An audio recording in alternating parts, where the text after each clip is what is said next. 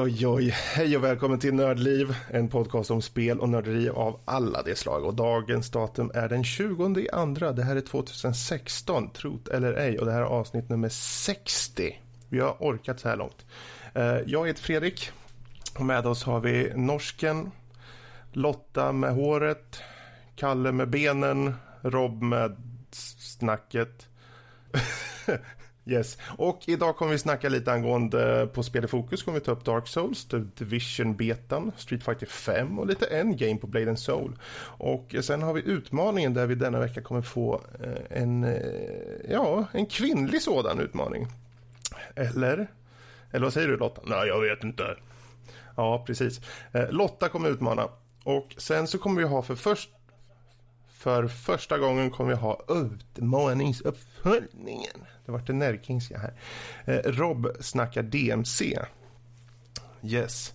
Lite spelnyheter om eh, Press Pressday Stockholm dit eh, vår utsände Rob tog sig och eh, kommer ha en hel del att säga som jag kommer bryta av då och då.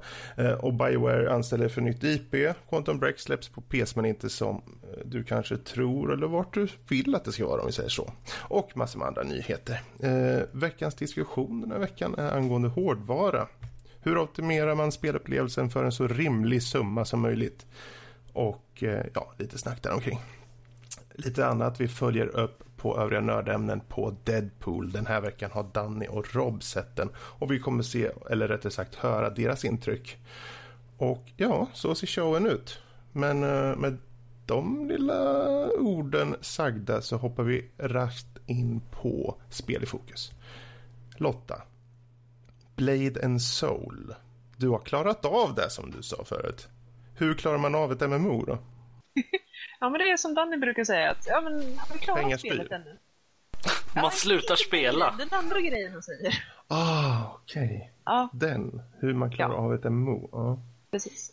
Eh, nej, jag har ju kommit upp i maxlevel och Mm. klarat av main storyn.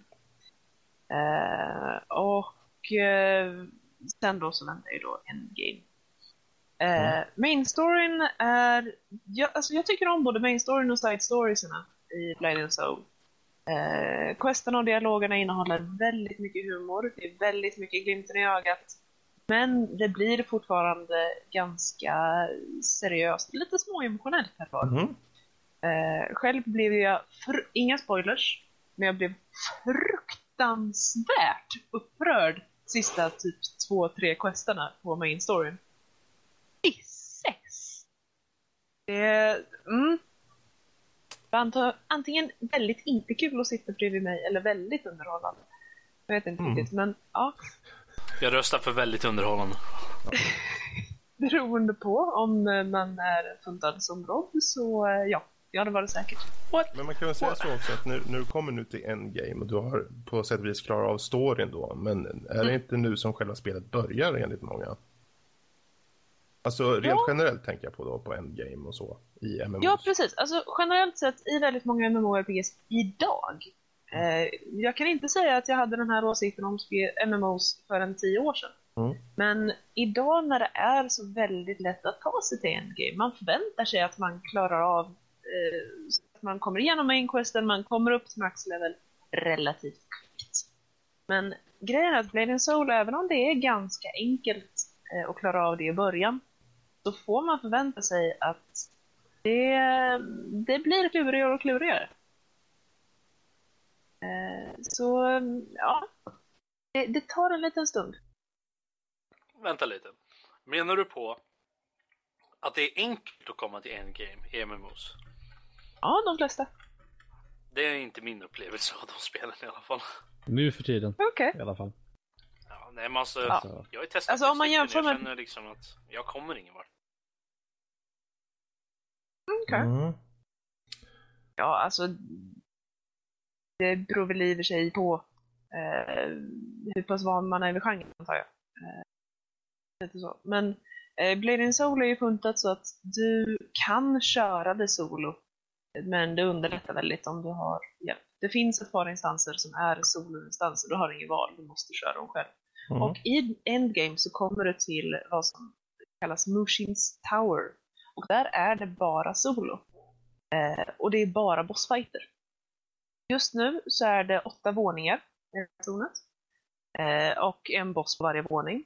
Eh, nej, för, förlåt, sju våningar. Våning åtta kommer den 2 mars. Och då är det mycket möjligt att vi får slåss mot Mushin själv. Eh, och eh, ja, eh, inga spoilers men det finns anledningar. Det finns väldigt stor anledning till varför jag vill sparka Mushins gudomliga, håriga lilla rumpa. Men Okej. det får ni se om ni kör spelet. Mm. Men ja, jag står fast vid att jag tycker det är ett intressant spel. Mm. Det är väldigt spännande det här att du förväntas vara din egen healer och tank och det är. Eh, och i alla fall det jag har kört, jag kör mainly Blade Dancer. Eh, en klass som går väldigt mycket ut på att du är kvick på fötterna, du är kvick i huvudet och du blir banne mig aldrig träffad för då är det kört. Eh, så lite av en melee-glaskanna, basically. Ehm, hur, nu när du är klar med spelet, hur... eh, hur, Ja. Hur, hur känner du att det jämför sig ehm, med eh, andra MMOs du har kört? Du, som har kört? du har ju kört så pass många så att eh, du lär ju ha lite att jämföra med. Då. Alltså, Ja, både storymässigt och, och liksom hur balansen och klasser Mm. och sånt där funkar. Eh, Storymässigt så tycker jag bra om den. Eh, jag menar okej, man, man är idiotförklarad. Eh, man har egentligen inga val i dialog, utan man får den personen som spelutvecklarna har givit dig. Du, du liksom nickar och trycker på okej liksom. Och personen du är väldigt korkad. Och det är bara att stå ut med. Um, men uh, det, är, det är en underhållande, intressant story. Uh, Spelteknikmässigt, uh, ja, det hjälper definitivt att jag spelat MMOs tidigare. Um, men som sagt, det är väldigt mycket att tänka kvickt och vara kvick i vändningarna. Eh, vilket inte alltid är fallet med andra MMOs. Eh, svårighetsgraden, ja, i och med att du inte kan förlita dig på andra så hjälper det ju också om du har kört väldigt många olika roller i MMOs. Eh, I början så är det väldigt lätt. Jag vet inte om det här bara var en balansfråga som de inte hann med i början. Jag började köra innan release eftersom jag hade pre-ordrat. Och det har varit ganska många uppdateringar så att jag vet inte hur early game ser ut just nu. Ehm, men det är möjligt att det fortfarande är väldigt enkelt. Ehm, men jag känner att det har definitivt varit värt, att testa. Ehm, det intressanta equipment-system också bland annat. Du har istället för liksom en chest piece, en leg piece eh, och så vidare så har du, du har din soul shield med åtta tårtbitar eh, som du hittar lite överallt i världen eh, och så kan du uppgradera dem. Eh, och så har du ditt weapon, du har halsband, ring och örhänge. Och senare så får du också armband och bälte. Eh, och de gör, ger dig då vissa stats. Och de här kan de också uppgradera. Eh, men eh, ja, det, det är intressant. Och särskilt för någon som är van vid västerländska MMORPGs så är det lite annorlunda. Eh, också trevligt för de som inte alltid är jättepeppade på att spela med andra i och med att du kan ta dig till endgame själv. Eh, Jag har spelat lite grann med andra också, men inte för att jag varit tvungen. Utan man klarar det mesta solo, eller ja, random world-bossar. Eh, går man ihop ett stort gäng och, och gangbangar ner eh, i jättevacker stil. Men det mesta klarar du själv om du skulle vilja, men du är inte tvungen att spela solo. Men, Så- äh, men, men Lot- Lotta, den ultimata frågan är ju hur är armonen på kvinnorna? Okej, det är faktiskt inte bara porr. Faktiskt. Inte bara väldigt- porr. Nej, Det är inte lite bara porr, porr. Lady Alltså, Soul. Inte Okej. bara porr. Det kanske minns när, vi, när jag har pratat om Play and Soul tidigare, att jag har sagt att det är väldigt koreanskt. Ehm, Voluptuösa kvinnor i minimala armor så som det brukar vara. Kill- strategically Nej, men- placed straps. Alltså, ni Eh, måste förstå men- armen den är magisk så den behöver ju inte vara faktiskt täcka fysiskt så, på så sätt. Wow. Aim for the shiny parts. Ooh. men i alla fall, det finns i alla fall en ras som heter Lyn som är basically animal people. Du har djuröron och så har du svans och så är du jättekort. Furries. Ja, ja, det är furries. Och det är tyvärr den enda rasen där man kan vara blade dancer, så att jag, jag är en furry. Jättesöt liten kattös med svarta öron och svart svans som heter Kurorin. Och jag är bedårande gullig. Eh, med eh, Rurouni Kenshins eh, är på kinden. Ooh. Jag är väldigt förtjust i det här.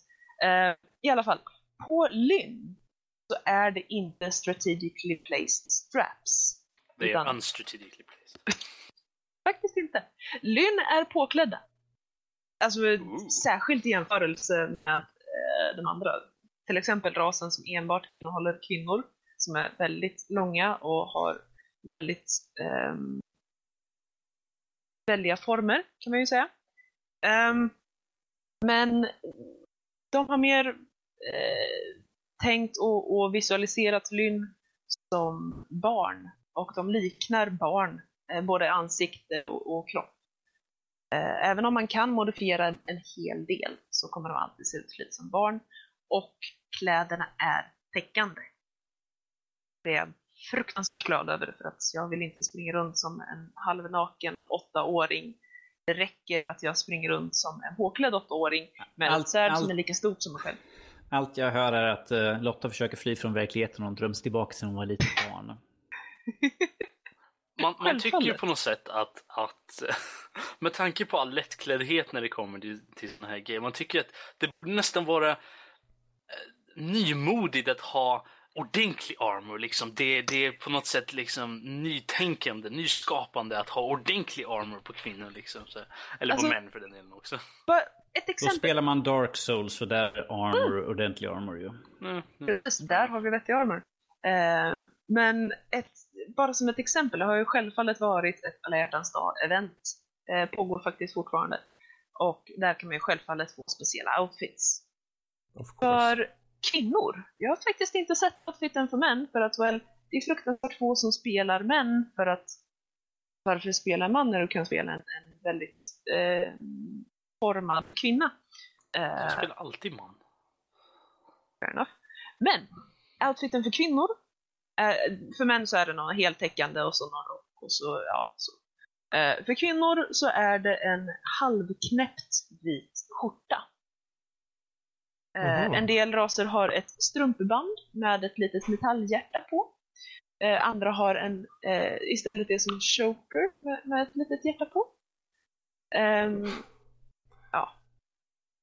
Jag tror att eh, Alltså- jag får bryta in lite här och så skulle jag vilja be dig att ta, liksom, summera upp lite här nu, en gång för alla. Okej. Mm. En gång för alla. Maiden Soul är ett intressant, spännande MMORPG för er som gillar genren. Eh, Det är väldigt lättillgängligt i början, det blir lite mer utmaning senare. Så tycker du om utmaning, så stå ut med det, det kommer. Eh, storyn är väl värd att läsa. Ta dig tid att faktiskt gå igenom questerna om du kör det. Men helt klart en rekommendation från min sida. Jättekul. Vad bra. För en, från en utmaning till en annan så har vi ju utmaningen i att fightas med varandra. Och där har vi ju Street Fighter 5 där du faktiskt har gett dig på antagligen Max kanske. Eh, jag hade velat gå på Rob förut när han sa att han spelar som kvinna. Att han inte spelar som... eh, ja, hur som haver, det var en helt annan sak som jag hörde när han sa det. Men det... Jösses. han spelar som man. Det säger Ja. jag. Ehm, förlåt Rob. Du vet väl att du är ju nästan en man. Ibland. Nästan. Men Street Fighter 5. Hur står Ja. det sig i de här initiala intrycken du har fått hittills då? Eh, initiala intrycken är inte bra. Eh, det är... Det är inte riktigt redo. Eh, man... Är det det, det fulla spelet eller beta? Det är fulla spelet. Mm. Eh, det kom den 16. Eh, Carl? Vilken plattform? Eh, jag det på PC, men det finns Mm. också för PS4. Yes. Eh, Jag, däremot jag har hört... så... Eh, nej, jag bara säger att jag har kritik till PC, att PC-versionen har problem. Så det var därför jag ville förtydliga det. Ja, okej. Okej. Precis. Ehm, Men ehm, det, det är fortfarande en del problem att köra över nätet. Mm. Så att, och det, det är fortfarande en del buggar och så. Eh, så kan vara värt att vänta lite grann tills man får tid att reda ut så att det blir lite vettigare. Mm. Okej, men eh, rent grafiskt då? Är det, skiljer sig från fyran mycket liksom? Eller fyran, de som var namnet fyra och sen Special Edition, Ultra Edition, Pung Edition eller vad hette. Förlåt. Ehm, Men skiljer sig någonting i Art Direction? Liksom, har de förändrat mycket? Eh, det, det är ett par uppdateringar av Mm. gamla kända karaktärer. Eh, både i artstyle och eh, i spelstil. Mm. En av de riktigt gamla klassikerna som har förändrat en hel del är Ken. Ken Ja, har ju basically varit en amerikansk kopia av Ryu, eh, like forever. Mm. Nu helt plötsligt så är det inte samma karaktär längre, utan att spela Ken. Alltså, Ryu beskrivs som den mer stoisk, eh, breda, lite, lite mer eftertänksamma karaktären, medan Ken är mer in your face, rush you down, bug ring American Mm. eh, på ett helt annat sätt. Eh, så det är lite spännande. America! Fuck yeah! Fuck yeah! Oj, ursäkta. Ehm, det kommer också en del eh, karaktärer tillbaka från eh, Street Fighter Alpha. Mhm, mhm. Och eh, så kommer det då en del nya dessutom. Så att, ja, ändrat roster. Eh, ändra, det är bland annat den här eh, V-trigger eh, där man får, man sätter igång den och så har man typ en superversion av sig själv i en viss timer. Eh, och det är det man grundar sig på mer än de här, att bygga upp för sin superduper ultra fantastisk attack. Som är, Mm. Eh, Jag tänkte på attacker där om jag får ursäkta. Mm. Men jag, det är ju ett vinnande koncept Street Fighter. Det har ju alltid varit där. De har ju väldigt, vad ska man säga, det finns attacker och det finns eh, liksom rörelser och sånt som är så ikoniska. Men har de vågat förändra någonting i, i de här klassiska karaktärernas fighting-repertoar? Eller är det samma moves liksom? Det är, det är lite samma. Som sagt, Ken har fått lite av en makeover. Mm. Ehm, men det, det är fortfarande lite samma grej. Cammy har fortfarande sina uh, talent spikes och så vidare. Ehm, och Hadoken, man, man kan inte ta bort Hadoken, I'm sorry. Ehm, nej, det är jag faktiskt inte. Jag är faktiskt väldigt glad att de har behållit så att jag känner igen mina karaktärer. Mm. Jag har, jag har fortfarande inte skaffat DLCn med min main-karaktär, eh, Ibuki. Men, eh, ja, jag, jag kommer ju skaffa henne för att hon kommer vara awesome. För hon kommer vara min Ibuki för jag älskar henne. Okej? Så, så Lotta, som, som du pratade lite grann om där i förra veckan, har du lyckats göra någon ass sandwich som vi diskuterade då? Jag har faktiskt inte testat att göra någon ass sandwich ännu. Eh, Ass sandwich. jag tänkte att... Hej, eh, det var de som beskrev det så förra veckan. Det inte Ja, det, jag. ja, men det, Mm. det, det är lite av ass sandwich och om man som lyssnar undrar hur en ass sandwich går till så att lyssna igenom förra veckans avsnitt eh, så hör ni beskrivningen av Armikas fantastiska Ni kan ju också mejla till lotta.nordlivpodcast.se och be henne skicka någonting. Vad hon skickar, ja det får ni se. Tag, tag, tagline. Det kommer vara så här. Tag, men- tagline ass sandwich. Bara, Mm. jag vet inte för jag vill kolla. Det, det känns ju intressant ändå att de har självklart behållit mycket. Men ändå Mm. försökt att, att variera upp och Mm. eh, försöka att... Precis. Jag vet inte, balanseringen hittills. Nu, jag vet inte, du den här Ibuki sa du som är Mm. din favorit. Den har inte kommit än i main-spelet. Nej, hon är en DLC och kommer antagligen att bli en DLC tillsammans Mm. med andra. Till exempel Yuri. Fanns det, någon, fanns det någon i main-spelet så att säga som, ja det här är den jag brukar köra med av de som finns med här liksom. Finns det någon så här, den här brukar jag köra mest med? Eh, alltså det, det är egentligen Ibuki som har varit min, eh, min main väldigt länge. Jag har tränat en del med Ryu. Eh. Just för att särskilt de tidigare Street Fighter-spelen utgick verkligen från den karaktären. Eh, avstånd, attacker och, och tekniker utgick från hur Ryu rör sig. Eh, så att just om man ska träna de här fundamentala Street Fighter-grejerna, hur, man, hur nära man kan vara innan man whiffar och så vidare. Mm. Ehm, Innan man var Just- så? eh, whiffar, det är sådär, man precis inte träffar. Okej. Det är som Eh. waffling fast eh, det är en annan bokstav. Eh, yes, yes, that's, that's exactly. lite nyfiken fråga. Eh, hur många karaktärer är det med i själva spelet som man får vid, nu vid köp? Och hur många är utlovade att komma som DLC? Eh, oj, det vet jag faktiskt inte. Jag tänker, eftersom du, säger att, eftersom du säger att Ibuki är liksom en DLC-karaktär så tänker jag att hur många har de då släppt med? Eller ska de göra som andra fightingspel som släpper senare som DLC? Vilket känns som ett drag som är vanligt nu för tiden. Ja, uppenbarligen kommer det ju DLC Ja. med Ibuki så det är väl... Jag, jag tänkte bara hur många man får med i grundspelet eh, just nu. Eh, jag håller på att kolla upp det med en gång bums. Så det är inte det som, åh vad heter det där som kom på Xbox One, eh, fightingspel där de släppte? Killer man, Instinct. Killer Killer Instinct, Instinct. vad var det? Man Mm. fick fyra karaktärer eller något sånt där med i huvudspelet och sen var resten bara DLC eller något sånt där väl?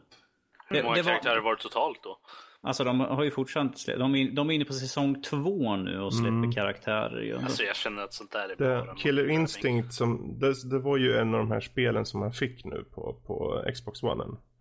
Eh, och då fick man säsong 1. Fick man. Eh, förra Nej. månaden tror jag var. Okej, ja. Jag bara, okej. Skitsamma, det har i alla fall getts. Eh, och jag tänkte, jag satt och kollade på dem där, för jag satt och körde igenom dem. Eh, och testade lite. Och sen såg jag då efterhand, ja, men här nere är ju säsong två, så jag gick ner, ja men den ska vi testa. Ja just ja, man får inte det. Ja. Jag får ju köra mot dem får jag, men jag får inte köra som dem. Men men, det var Killer Instinct. Hur ser det ut med Street Fighter 5? Har du hittat något? Yes, med Street Fighter 5 så finns det 16 karaktärer i grundspelet. Ehm, och sen känner jag som sagt till åtminstone två som kommer som Mm. DLC. Ja, 16 Eh. karaktärer är väl inte Man kattpiss? skulle nästan kunna säga att det är fyra gånger så bättre. Ja, men om vi säger så här, Street Fighter är en sån stor serie att de har ju väldigt mycket karaktärer de kan lägga som DLC, gamla favoriter och nya, Mm. Precis. nya, nytt tillskott helt enkelt ju. Nu ska vi Men, se här. ja. Eh, jag ser här, eh, det, enligt den här informationen så finns det i alla fall sex DLCer i eh, så kallad First Wave. Och då har vi Alex, Balrog, Guy, Ibuki, Yuri och Urien. Så Balrog och Guile är inte med från, från start alltså? Nej! Hmm. Ooh. Intressant. Mm. Intressant. ehm, Hmm. Men, Men, eh, eh, nu har vi ändå ja. de här eh, nya bekantskaperna. Eh, Fang är en väldigt spännande karaktär som vi ska kika lite närmare på. Eh, vi har också den förtjusande Laura eh, och eh, Rashid som är spännande att sätta tänderna i. Eh, Men du hade inte kört så mycket än eller? Nej, eh, jag känner lite att jag, jag väntar gärna, jag avvaktar lite tills man har arbetat ut de här första Mm. eh, barnsjukdomarna. Precis. Men ja, det är väl värt att, att hålla ögonen på. Det tänker jag göra. Precis. Ja men jättebra, för då behöver vi inte gå mer djupt där så följer vi upp det helt enkelt framledes. Jätteintressant. Eh, och med de orden sagda från Lotta så hoppar vi över till Kalle. Eh, Dark Souls vill du nämna lite grejer om. Eh, Jajamensan. yes. Vad På, tänkte du på? Ja, jag körde ju cirka, jag skulle vilja säga 15 timmar in i Dark Souls för Mm. några månader sedan. Så kom jag till en punkt och fastnade och tappade lusten och det blev avinstallerat på någon Mm. vänster där. Men sen så här i veckan så um, så fick jag lust att bara plocka upp det igen. Och jag kom förbi den här jobbiga punkten. Och jag har ju pratat om innan äh, med spel som, som klickar. Har jag gjort. Mm. Och det var Dark Souls klickar 20 timmar in. Uh, för att okay. vad som händer är att du, du har en, en quest liksom, uh, som du följer. Eller quest och quest. Du, du har en sak du borde göra för att få gå vidare i storyn. Mm. Uh, och det, du, tills du kommer till en viss punkt så har du bara en sak att fokusera på. Men sen så får du fyra grejer du kan välja med vad du vill göra. I vilken ordning som helst. Alltså Dark Souls de är kända för sin frihet liksom så att säga. Alltså mm. du är fri att göra vad du vill men med den så kommer det också en viss utmaning. Mm. Så att Dark Souls för mig har klickat så att säga. Nu.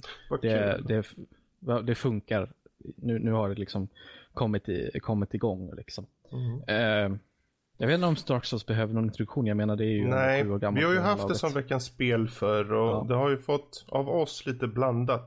Vi vet ju att eh, vi har de som lyssnar som hyllar Dark Souls och därmed rätta. Det mm. finns väldigt mycket gott och det finns de som jo. bara försöker och tänker nej det här är inte min grej och det är ju också förståeligt. Och så finns det de som det, totalt Det, det tror jag är helt rätt. Uh, alltså Dark Souls, det krävs nog en, en liten speciell person för att orka ta sig igenom. För det, jag tror det som var så uppfriskande med Dark Souls när det kom var att det inte höll i din hand överhuvudtaget. Mm. Alltså det var, Men, det, det släppte det loss och sen får du liksom klara dig själv. Och man, jag tror för många så var det nog en bra grej. Ja, jo, definitivt. Uh, alltså, vad tänkte du säga Fredrik? Jag bara tänkte rent spontant, för det, man säger det, det kommer ett i vissa spel så är det så att det liksom efter en viss speltid så klickar det. Alltså mm. det, det, det, det, är en sån utmaning, en pers nästan att ta sig igenom vissa spel. Och för min del, om jag tänker mig, okej okay, om det, du sa 20 timmar, det kan vara 10 timmar, mm. det kan vara 5 timmar. Ja. Men säg att det ligger runt 10-15 timmar, jag skulle egentligen aldrig ta mig dit. Nej. Dels för att jag inte har tiden och jag vet med mig kanske att det inte finns alla som har den tiden att gå så långt. Det är ungefär som vissa Nej. MMOs, inte alla självklart, men några. För det, det, ja. Uh, det jag tänkte säga var det att uh, den, alltså Dark Souls styrka är egentligen dess svaghet också beroende på vem som ja. spelar. I och med att spelvärlden är så stor och du har som frihet att göra vad du vill i vilken ordning som helst utan problem. Uh, så att Eh, och har man fel typ av person så, så kommer någon kommer ge upp som jag gjorde till en början, även om jag kom tillbaka mm. till och nu då har tagit mig vidare och gillade väl, verkligen mycket nu när, jag, när, jag, när, när världen liksom har öppnat upp sig ännu mer. Problemet Precis. ligger mer i att eh, dels så kan, kan man kan ju diskutera om man tycker att spelet, alltså fighting och sånt där är rättvist designat eller inte. Det kan man ju mm. diskutera fram och tillbaka. Alltså, så. Men eh, jag vet inte, alltså det, det funkar för mig nu. När jag har fått lite bättre koll och eh, man, man är inte den här lilla, lilla eh, ynkliga människan i, eller undead är man ju tekniskt sett, i en stor värld. När man fått lite bättre koll på vad som gäller, alltså vad jag står, vad jag står gentemot, då tycker mm. jag att det spelet funkade bättre. Liksom. Vad kul. Ja, för det där, jag, jag hör så mycket gott om det och jag vet jag försökte mig på det och det föll inte mig i smaken då. Men jag tänker egentligen, men det är sånt spel jag vill. För alla hyllar och alla tycker så mycket om det mm. så jag känner egentligen så men det, det vore kul att tycka lika dem, mycket om det. Men... Jag kan förstå dem som inte tycker om det för att ibland så är det så frustrerande för att det är, ibland så är det väldigt orättvist designat i bandesignen. Eh, en, ett område som jag är i nu är så här, du har, en, du har två typer av archers, en som kastar magi på dig som inte går att blockera med skölden och så har du en vanlig archer och sen så har du snubbar med svärd samtidigt. Som alla attackerar dig samtidigt. Mm. Så du måste, dels så måste du liksom hålla på och slåss fram och tillbaka med eh, de med svärd och sen måste du hålla koll på så att du inte blir skjuten med, med pil och de som skjuter dig med magi, de kan du inte dodge, alltså de måste du dodga för du kan inte mm. blockera mm. med, med skölden. Det är sådana där grejer, alltså vissa tycker ju, ja men eh, deal with it, det är det som Dark Souls går ut på. Men jag kan förstå dem som eh, anser att det är för mycket. För det, det, är så här, det var den biten jag fastnade på. Då, då, skulle man, det var för ni som har spelat det, Sense Fortress. I slutet man ska klättra sig upp i en borg typ. Och det är så här, man ska gå över, över plattformar där det är så svingande jävla yxblad typisk spel typ. Och sen mm. så var jag på sista biten, sista bron jag skulle gå över med massa jävla svingande yxblad. Ehm, så hoppar jag och klarar mig sista och sen så landar jag på en jävla pressure plate som aktiverar en fälla och så blir jag skjuten av en pil som skjuts ur. Och så försöker jag göra om allting igen. Och det är så här, hur skulle jag veta om det? Hur skulle jag kunna undvika? Nu vet jag ju det för att jag har dött av det en gång och nu vet jag om det till nästa gång. Men det är så här, sådana grejer kan man inte anpassa sig till och man får ju, då får man ju ställa sig frågan, vad är rättvis design liksom? Hur mycket ska man, eh, hur mycket hjälp ska man få? För då, alltså det, den filosofin de kör vid är att ja, du får ju testa dig fram och sen så kommer du det flera gånger och sen så när du har dött av det så vet du hur du ska styra efter. Men, mm. yeah, Ja. I don't know. Men, men nu när, eh, alltså jag har fått en bättre koll på storyn också, för det finns faktiskt en story mot förmodan. Eh, och jag, Loren och allt sånt där har jag bara fått lite bättre koll på. Så nu, nu kan jag riktigt uppskatta det. Även om det är så här man ragequittar. Nu har det blivit så här, jag, jag kommer till något ställe, fastnar och så ragequittar jag och sen så, så tänker jag fan 20 minuter senare bara, men fan jag ska nog testa igen i alla fall. Så det är där jag ligger nu. Och eh, för er som har spelat det ska vi se var jag ligger för någonstans. Jag har, jag har eh, precis, jag är på Thief the Scales. Den bossen är jag på nu. Så ni som eh, eh, har spelat det vet vad det är för någonstans. Och det är ganska långt. Det är 40, jag ska se, jag tror det är 40 timmar in i spelet. Där. Har vi ju faktiskt jättebra tillfälle att säga, säga till alla där ute som faktiskt spelar och vet hur det här fungerar. Maila in till Kalle vet jag, på Karl med C, at nordlivpodcast.se och ge era tips hur tusan han ska ta sig vidare. Det är jättekul att, att höra att du har fått smak för det igen. För det, det är inte alla gånger man faktiskt tar sig tiden att gå tillbaka till spel som man har kanske fastnat i eller så. Så det är jättekul att höra. Och särskilt ett spel, det är liksom inte det- det är liksom inte ett spel som man sätter sig ner med för att ta det lugnt när man kommer hem trött efter jobbet eller skolan en fredagkväll. Eh, Jag, tycker att det kan vara ganska mysigt ibland. För nu, nu har jag kommit in i det och jag vet vad jag kan. Jag vet på ett ungefär vad jag förväntar mig av spelet. Alltså jag vet att det kommer vara galna bossar med galen design och det är groteskt och det kan vara hit och dit och olika. Så det kan vara ganska skönt att bara slå på en podcast eller lite musik och sen så sitter man där och så är det hack and slash och man eh, slår ihjäl monster. Så det kan vara ganska skönt ändå. Eh, Men det jag ville nämna var att på PC så måste man, trick- man måste me- mecka lite för att det ska funka bra. Eh, För att det här var ju From Softwares första PC-port. Så att det, det är liksom nästan direkt lyft över från en Xbox 360. Det är, du kan inte ändra, det mesta kan du inte ändra, alltså det, upplösningen är vad den var på Xbox. Eh, bild, eh, frameraten är låst vid 30. Ehm, och sådana där grejer. Så att, eh, men det finns en bra mod som heter DSFix. Eh, som löser alla dessa problem. Så man, kan, me- man får mecka lite om man vill att det ska fixa. Det funkar bra. Om man Okej. någon gång vill Eh. ta en avslappnande eftermiddag och Ja. dö och dö och, Ja, och och dö hugga av. och Huvuden på ja. groteska monster. Ja, Den jättebra. heter ju trots allt Prepare to Die Edition. Så, Precis. Ja, ja. jag menar det är ett bra spel så att ehm, jag klagar inte. Jag, jag tycker jättemycket om det men eh, jag tycker det är lite roligt att du känner att det är avslappnande. Bra, men den var helt utanför din liga eller din division. Vad ska vi då gå över till nu? Vilken segway kan jag gå från division? Jo, The Division såklart. The Division, betan som var öppen, eller är öppen med, medan vi pratar nu. Eh, jag och Rob, eh, Kalle, du hade också lite i det va? Ja, det hade kraschat Ja, du. det, det spelade en kvart och sen så typ kraschade Jag tror det var att Okej. servrarna kraschade. Så det är så. Precis. Så, nej, vi eh, mm, nej. Precis. Men jag tänkte vi tar väl lite intryck och lite vad vi tycker och tänker mest eh, angående det här. Och ja, jag kan väl börja då. Helt enkelt. Jag har kört någon timme eller två eller så. Eh, och eh, tycker ändå att det har en del... Det har ju det här lotandet. Som känns igen i alla RPG. Och det... Det tycker jag var lite småkul faktiskt. De flesta har ju sagt tvärtom att de tycker att eh, allt annat verkar bra men lootandet är lite tråkigt. Men jag tyckte det var lite roligt. Man springer runt eh, över hela omnejden där som man har tillgång till.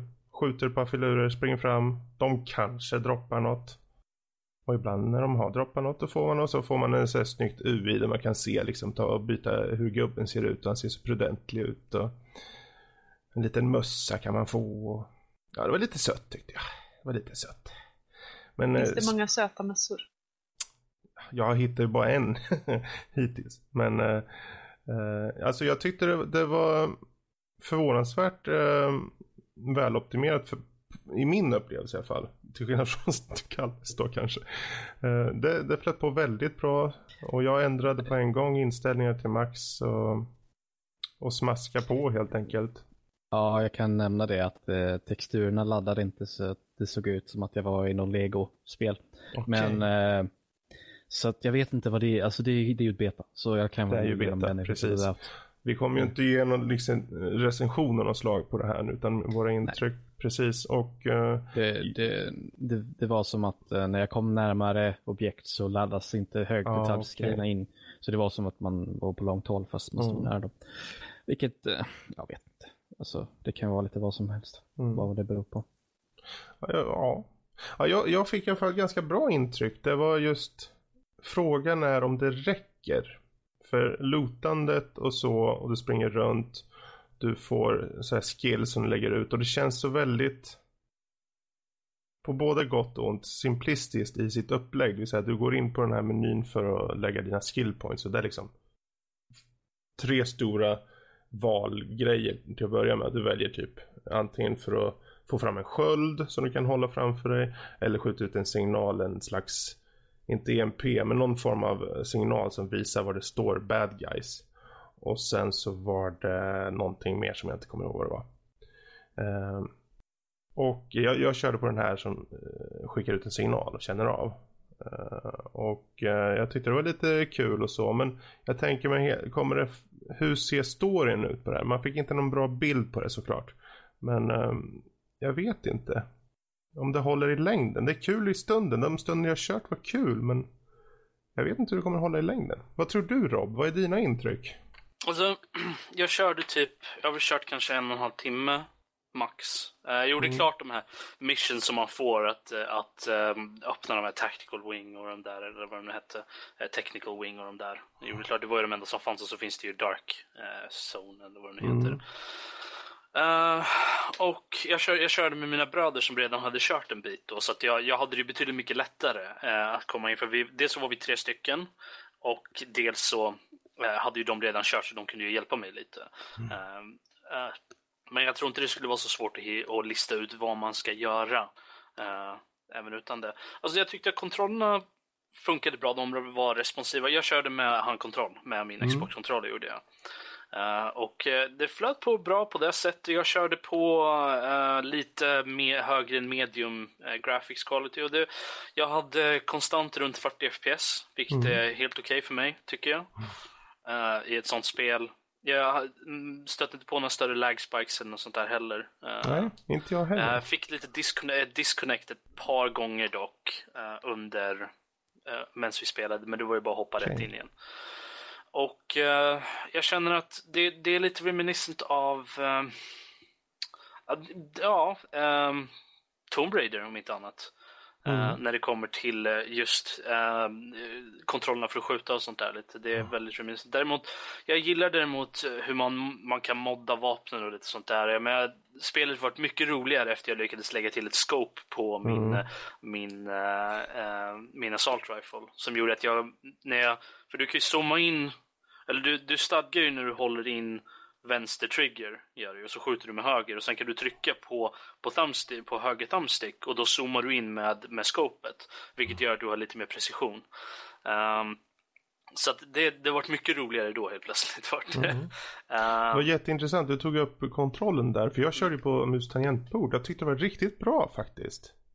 Ehm, och visst, det kan ha lite med deras arv. Massive är ju en, en klassisk eh, spelstudio. En svensk spelstudio. Förr var det mycket, eh, det var eh, Ground Control om jag inte minns helt fel. En klassisk RTS-titel bland annat. Så de har ju det här PC-grejen och nu har de eh, kommit över konsol så tror jag att de, om- de om någon kommer göra det så passar för båda liksom, samtidigt. Om ni förstår vad jag menar. Mm. Jag vet inte, jag, jag känner när det kommer till resten av spelet liksom så här, alltså grafikmässigt var det bra, kontrollerna kändes bra, med inventory-systemet Jag tyckte att det var helt okej faktiskt. Eh, det var lite krångligt i början när man först hade börjat. Liksom, jag vet inte vad det här är för någonting. Hur gör man det här? Och, eh, jag skulle byta vapen och liksom, det var lite okej, vilket vapen? Och så skulle man välja. Men, men eh, det kändes ganska logiskt efter en, efter en liten stund när man väl hade kört det. Eh, ni nämnde ehm, loot. Jag tyckte det var helt, jag gillade det faktiskt att, att det kommer upp såna här eh, beams of light liksom. Och, och sen Yes. vilken färg det visar också på vad det är för någonting. Menar en grön så är det jag antar att det är ett, vapen, ett grönt vapen då liksom. Och, och vitt så är det någonting annat. Och vitt kan även vara ammo bara eller medkits och sånt där. Eh, så jag gillade, jag gillade den biten. Det var lite irriterande att ibland så eh, när jag sprang upp till looten så ville den inte plocka upp looten. Eh, för att jag hade ställt mig konstigt liksom så att jag inte fick upp prompten på något sätt. Så att det var det var lite udda på det sättet. Ehm, just den, den, största, den enda grejen som jag egentligen kände var konstig, eller som jag inte gillade hittills i alla fall. Storyn som sagt, det är inte mycket, vi vet inte mycket om det liksom. Introgrejen gav inte mycket. Men det är det att vi har en silent protagonist. Och jag gillar inte det. Ehm, Ja, precis. Det tänkte jag också på. Dessutom utifrån att när du börjar spelet får du välja hur den ska se ut. mm, Och då tänkte jag, men vad kul. För det första som jag såg var ett stort feja i, eh, på skärmen liksom. Och tänkte, ja vad kul, jag får ändra lite här. Och man klickar och kändes random någonting.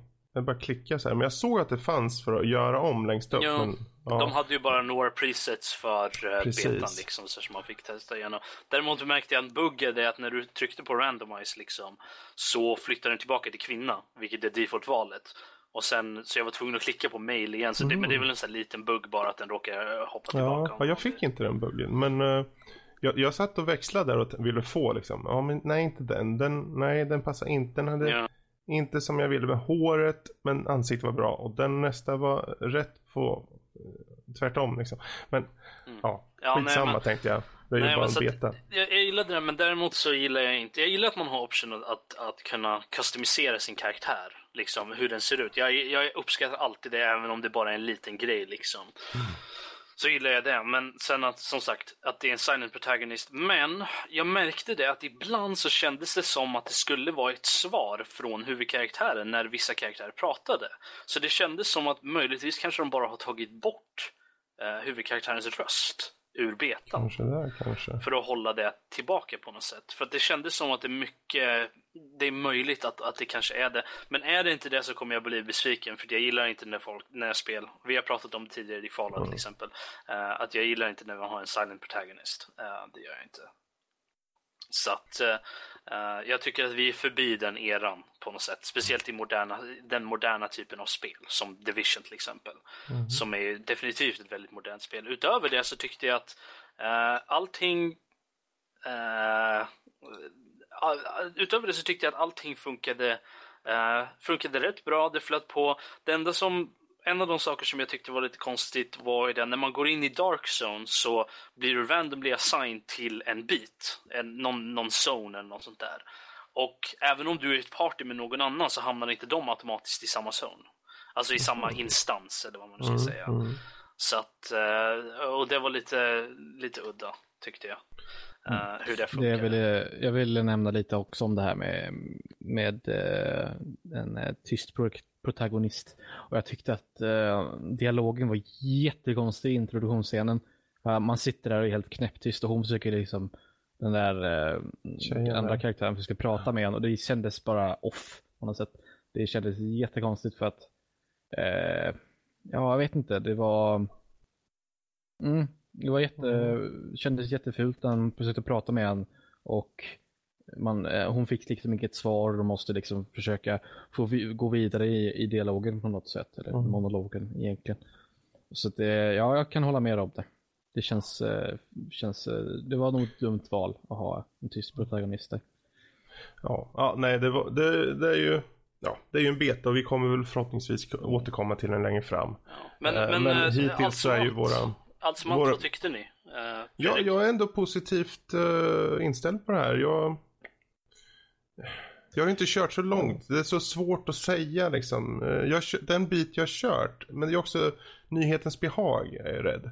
Eh, det kändes kul. Jag tyckte om lootningen. Jag, eh, och jag tyckte om att smyga runt och söka efter elakingar. Ta mig runt i miljöerna. Det, det kändes okej. Okay. Men jag, jag, undrar om storyn alltså. Det, men de håller ju tillbaka på det så. Ja. Men ändå, jag är positivt inställd. Du då Rob?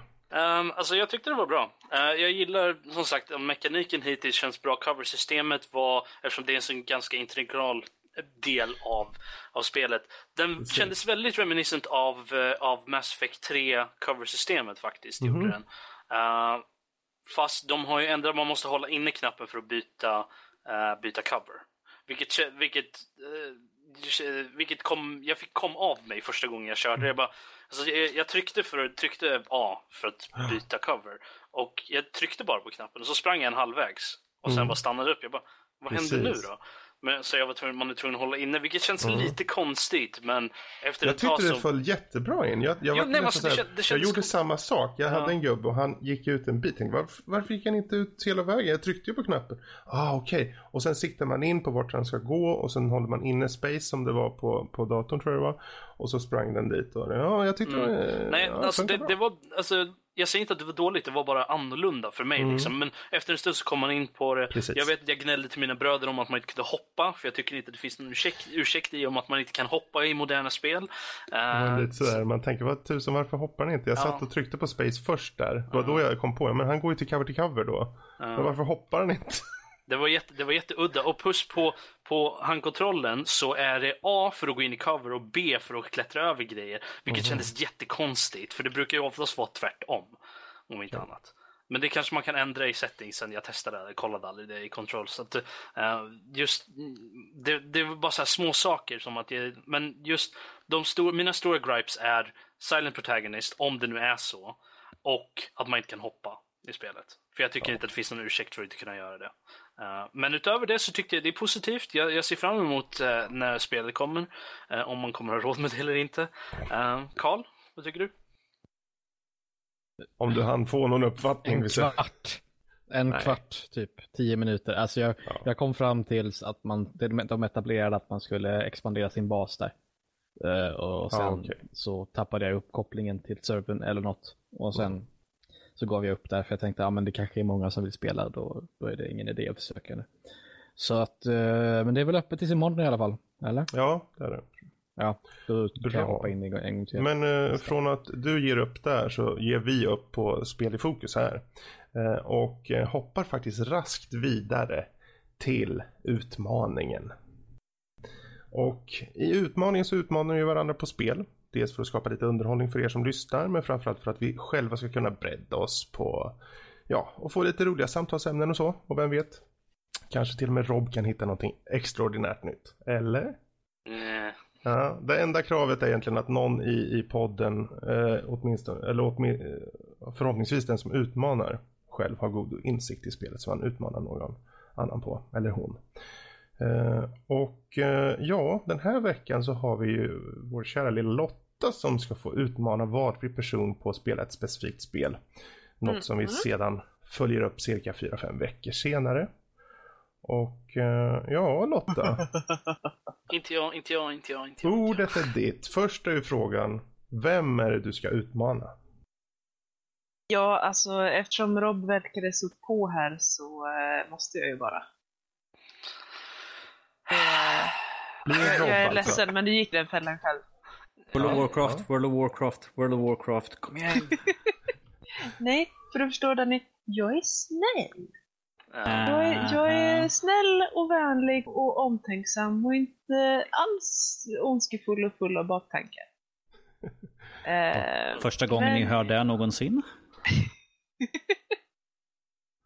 det är då man bracear sig själv, håller i sig någonstans och tänker okej. Okay, vad i hela det, nu, nu är det intressant, du ska utmana Rob. Men vad mm. är det då han ska få bli utmanad på? Jag vill se Rob spela Magica. Magica? Magica? Det är ju ett kortspel, är det inte? Nej. Eh, nej, nej, nej. Magic nej, det är Magic the Gathering, sorry. Magica är det, det andra spelet, sorry. Jag blandade Håll... alltid ihop de två. Jag... Håll koll på dina nörderier. Ja, jag Ehm, vet. Jag kan eh, vara eh. med om du vill. För jag har det också. Så vi- det, det, det ska ju definitivt spelas co-op. Så att, eh, Hart med. ja. Där har vi en, en, där inom en precis en snar framtida, en framtida spelsession. Härligt. Ja, nej, det skulle vara väldigt intressant att eh, höra dina kommentarer om det spelet. Och jag tror att du har rätt inställning för att klura ut en hel del av det som behöver kluras ut i Magica. Alltså jag, jag har hört namnet och jag har sett någonting någonstans, men vad exakt är magiker? Jag har faktiskt aldrig... Där får du nöjet att ta reda på snart. Precis. Vad kul. Ehm, då blir det alltså Magica för Rob och det innebär att nästa vecka kommer återigen Rob få utmana någon på ett härligt spel. Och nu när vi ändå är inne på Rob så kommer vi för första gången i Nördliv in på utmaningsuppföljningen. Det vill säga jag utmanade Rob här för en cirka fem veckor sedan på DMC, Devil May Cry. Och Rob, nu kommer vi alltså in på det, äntligen. Du har kört DMC, men hur mycket har du kört? Har du hunnit kört en bit? Jag eller? körde klart spelet. Du körde klart det? Yes, på Härligt. svårighetsgraden över det du körde. Eh, Jaha. Jag körde på, vad heter det, Devil Trigger eller Dem- Demon Hunter heter det väl eller något sånt Okej. där. Ja. Tror jag. Eh, svårighetsgrad 2. Är det. Mm. För jag kollade, man får ju efteråt så fick man ju kolla liksom, kan man, man kan ju se stats, leaderboards liksom, och då kan man ju Okej. se sina vänner. Och de enda två vänner som jag hade som har kört spelet hade Mm. kört det på human. Vilket är den- är den enklaste svårighetsgraden. Så du var tvungen att rädda dem. Nej, jag var tvungen att liksom vara, vara bättre än dem. Wow. The humility. Då så. Så att, eh, Men ehm, ja, om vi börjar med eh, kanske storyn då. Vad tycker du om storyn och uppbyggnaden av den? Jag ska ta fram mina notes här om vad jag tyckte om spelet. Alltså, Mm. själva storyn är väl, den är intressant, men den är väldigt förutsägbar. Vad handlar den om? Den handlar om Dante. Han är en half demon, half angel. Kallas för en Nephilim. Det här får man reda på väldigt, väldigt tidigt i spelet. Så. Och, eh, Diablo! Nephilim. Han, eh, han är då son till demonen Sparda och ängeln vad hon nu hette. Eh, Säg Ulla bara så har vi det. Det, det, jag, måste, jag, jag vill bara bryta in. Det var absolut intressantast nam- namnet på en ängel. What's her, whatever, liksom. ja. What's her name? Det här är inte Earthworm Jim. Ja, nej men alltså jag, jag kommer faktiskt inte ihåg. Jag tror inte, jag kommer inte ihåg vad det... Jag kommer faktiskt inte ihåg vad fan hon hette. Eh, helt ärligt. Det spelar ingen roll. Ja, De nämnde det typ en gång i spelet. Så att, eh, men i alla fall, och han... eh, ja, han dras in i en... Han är lite av en slacker, playboy, bad, bad boy. Eh, Mm. Person och eh, jag vet inte, han är väl i 20-årsåldern någonstans där, 20-25 någonstans tror jag. Eh, och eh, han har drivit omkring väldigt mycket och har inte riktigt hittat någon väg i någon, någon liksom någon väg i livet. Och eh, han helt plötsligt en dag så sprängs hans husvagn lite smått. Eller ja, sprängs och sprängs, den blir lite smått söndersliten av en demon. Och efter det så Vänta, tar vänta. Lite, lite smått. Ja, lite första-. Jag tror att större delen av den faktiskt är kvar efteråt nu, men, men den går lite sönder. Um, Okej. Jag kommer faktiskt inte ihåg, det var så länge sedan. För jag körde, jag körde två timmar av spelet och sen så rörde jag det inte på typ två veckor. Så jag kommer inte ihåg vad som hände i början riktigt. Um, nej men um, han eh, får hjälp av en, av en, eh, en häxa som heter Cat. Att, eh, och eh, eh, en snubbe som heter Virgil. De ska då ta ner demonkungen, eller vad man nu ska säga, Mundus. Det, är han, han har typ han satt sig som ledare över hela människovärlden och indoktrinerar människor med, med hjälp av olika men, dels media, dels eh, eh, softdrinks. Liksom. Så att eh, han har total kontroll över mänskligheten i stort sett. Vi är docile sheeps ungefär. Och det här tycker inte Virgil och de om då, så att de är en resistance och de ska då ta ner honom och det är lite här Dante kommer in för han är the muscle i stort sett och ska ta och spöa ner hans uh, Mundus un, under, underhuggare. Mm. Eh, och det är lite det storyn är i stort sett. Okej. Eh, Vad tycker du om storyn då? Du sa det lite förut förvisso. Men, alltså eh, den är ju intressant. Jag är- Den är, den är ju förutsägbar till väldigt stor del. tillbaka. Är Mm. den. Och jag menar, jag kommer inte ihåg när spelet kom ut, men det var typ 2013 eller något sånt där var det inte det? Ish. Så det, det är ju det är tre år gammalt, så jag känner inte att jag Mm. blir så jätte... eh, Jag tycker inte så jättesynd om folk som blir, får det spoilat för sig så jättemycket, men han, han vinner i slut, gör han. Gör. han. Vinner i slut, han spöar Mundus, gör han. Mm. Ehm, och eh, sen får man en till bossfight efter det, som jag inte tänker spoila för att det är lite... Precis. Även fast den är väldigt, väldigt förutsägbar att det kommer hända. Ehm, Det, är liksom, det skriker där genom hela spelet. Ja. Från, Eh. första, från första ögonblicket liksom. Så här, man, man liksom bara, "Ah, okej, ja, det kommer hända. Jag är inte förvånad överhuvudtaget och det, det gjorde mig Ni lite vet, besviken. ni vet. Ja. Ja, det, det gjorde mig lite besviken faktiskt. Att de gick den rutten. Nu, nu har inte jag spelat något av de tidigare spelen av Devil May Cry då, har jag inte gjort. Så jag har inte eh, någon koll på hur det här faller in plats med, med de spelen. Och om det är någonting som faktiskt är en del av de spelen ens. Men Är inte det en typ av reboot det här? Jo, men samtidigt så är det ju många nods till de, de gamla spelen, så att, eh, jag vet inte riktigt.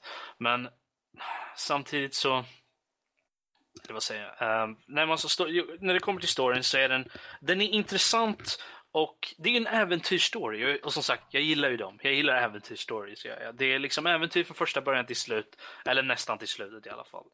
Eh, man spöar den stora bossen och sen allting är, är Uh, wonderful and happy and uh, sunshines and rainbows and butterflies. Men, uh, men sen är det inte det. Uh, för att de kan inte hjälpa sig själva. Jag tyckte, jag tyckte det var lite lat. Uh, lathet faktiskt att skriva in det så, på det sättet. För att jag, jag tyckte inte om det. Jag tyckte det hade varit helt okej om de hade skippat den biten. Faktiskt. Uh, så det var, det var väldigt förutsägbart och jag tyckte att nej. Men som sagt, det, det, är, en- det är en okej story ändå tycker jag. Eh, Mm. Om vi går vidare till det mer estetiska. Hur ser du på just ljudbild och grafik och så? eh, jag gillar musiken. Eh, Jag är inte så jättemycket för mycket av den typen av musik vanligtvis. Det är mycket så extrem hårdrock med massa growling och, och sådana grejer. Det är inte riktigt min typ av musik vanligtvis, men den Ja. passar väldigt bra till det här spelet. Mm. Gör det.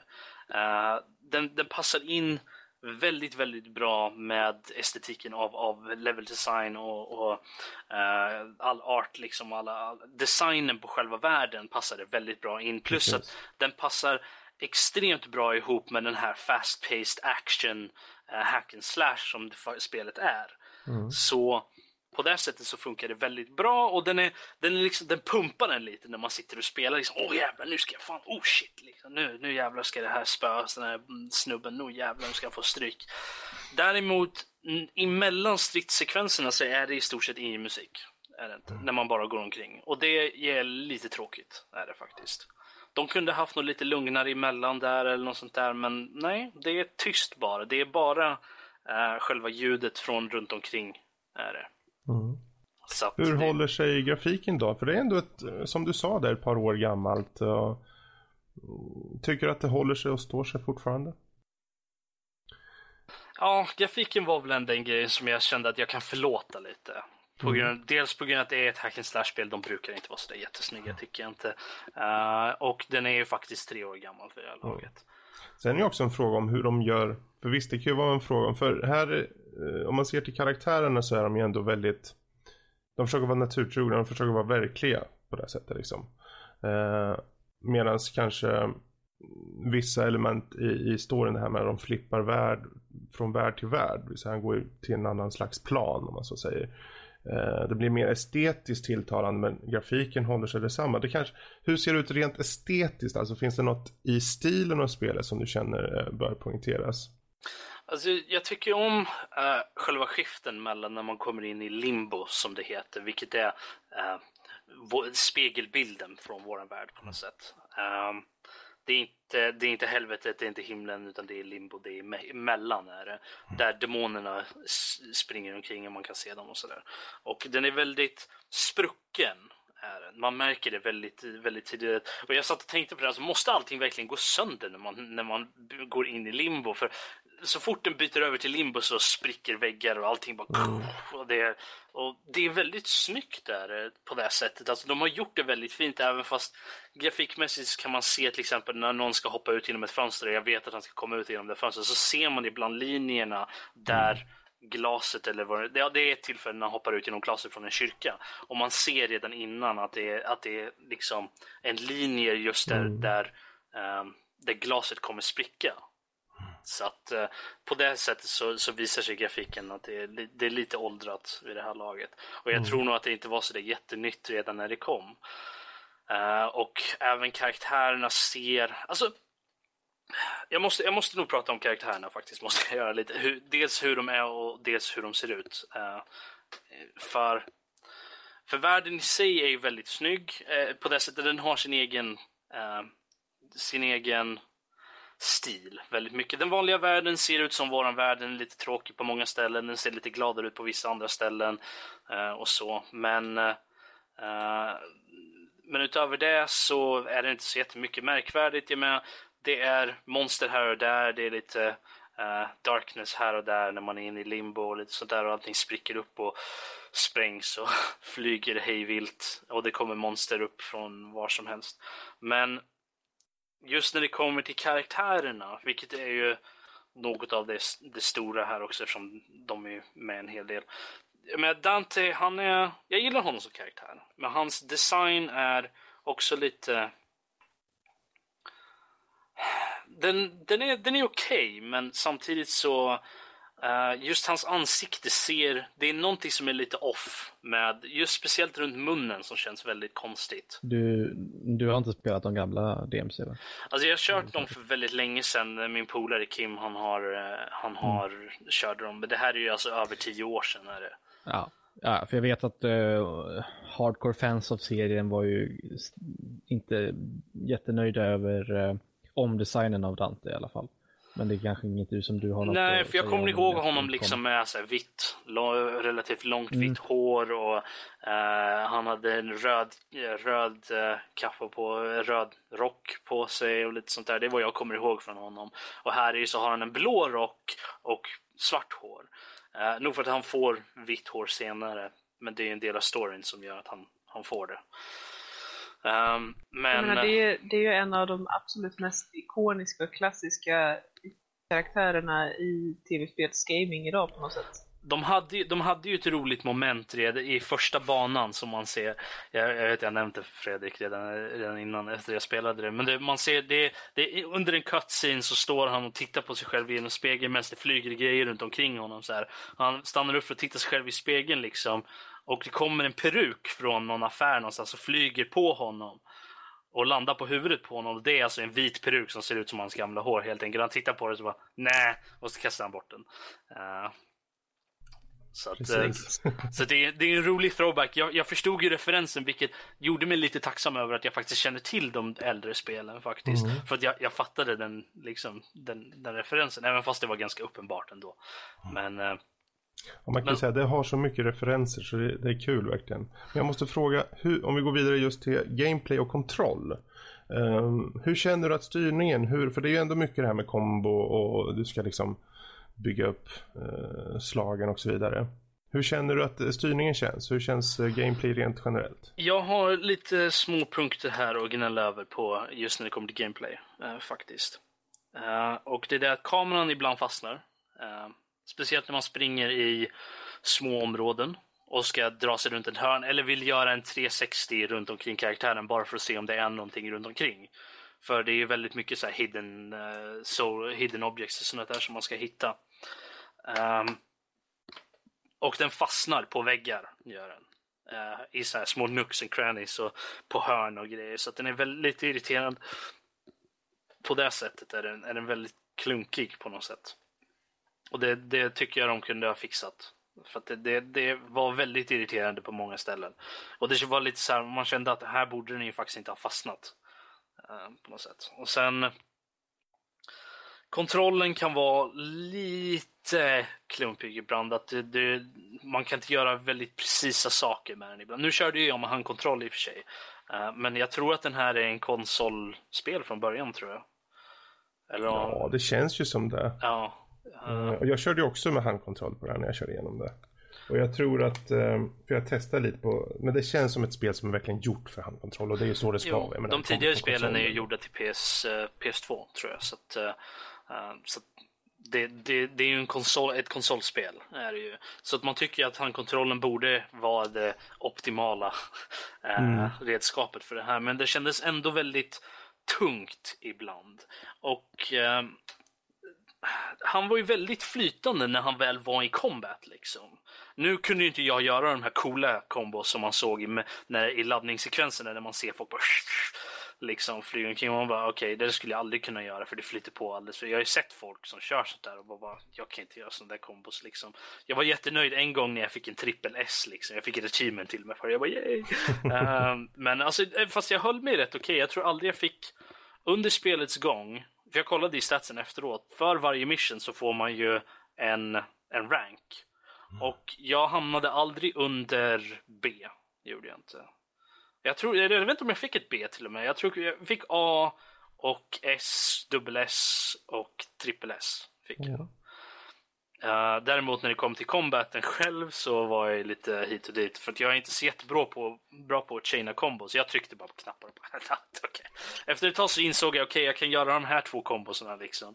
Um, då, jag vet hur man gör dem och även dem så failade jag på väldigt ofta så det vart lite så här. Eh, eh, eh, jag vet så, inte riktigt. Så Robert, du kan göra en sån här speedrun, two combo speedrun eller? Ja, eller hur. Uh, jag vart lite, det vart lite så här, jag, jag satt i, det finns ju såna här secret missions. Som man kan låsa upp genom att hitta nycklar under banorna. Så kan man låsa upp dörrar och sånt där. Så får man, du, du, får en liten mission där du ska göra någon viss sak. Och en av de missions var att du skulle spöa fyra, fyra monster utan att att repetera en action. Så du får inte slå ett monster uh, med... Alltså det var inte så att du inte fick upprepa dem efter varandra, utan du fick inte... Du fick, slog du en, en, ett monster en gång, så fick du inte slå ett annat monster på samma sätt under hela den fighten. Det tog mig en halvtimme att komma igenom den. Jag, skulle, jag tänkte att jag ska... Jag går inte. Mm.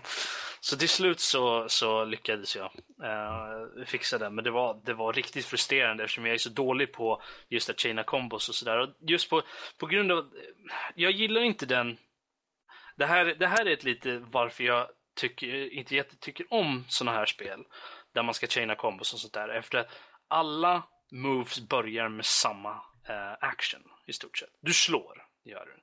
Du trycker på en knapp och sen ska du trycka på knappen i ett visst, eller en annan knapp liksom så här och, och chaina ihop dem. Uh, men alla börjar ju med i stort sett samma. Gör det. Du trycker på Y, tror jag det är, på, på Xbox-kontrollen för att slå. Gör det. Och det, det, är ju så du börjar i stort sett alla kombos.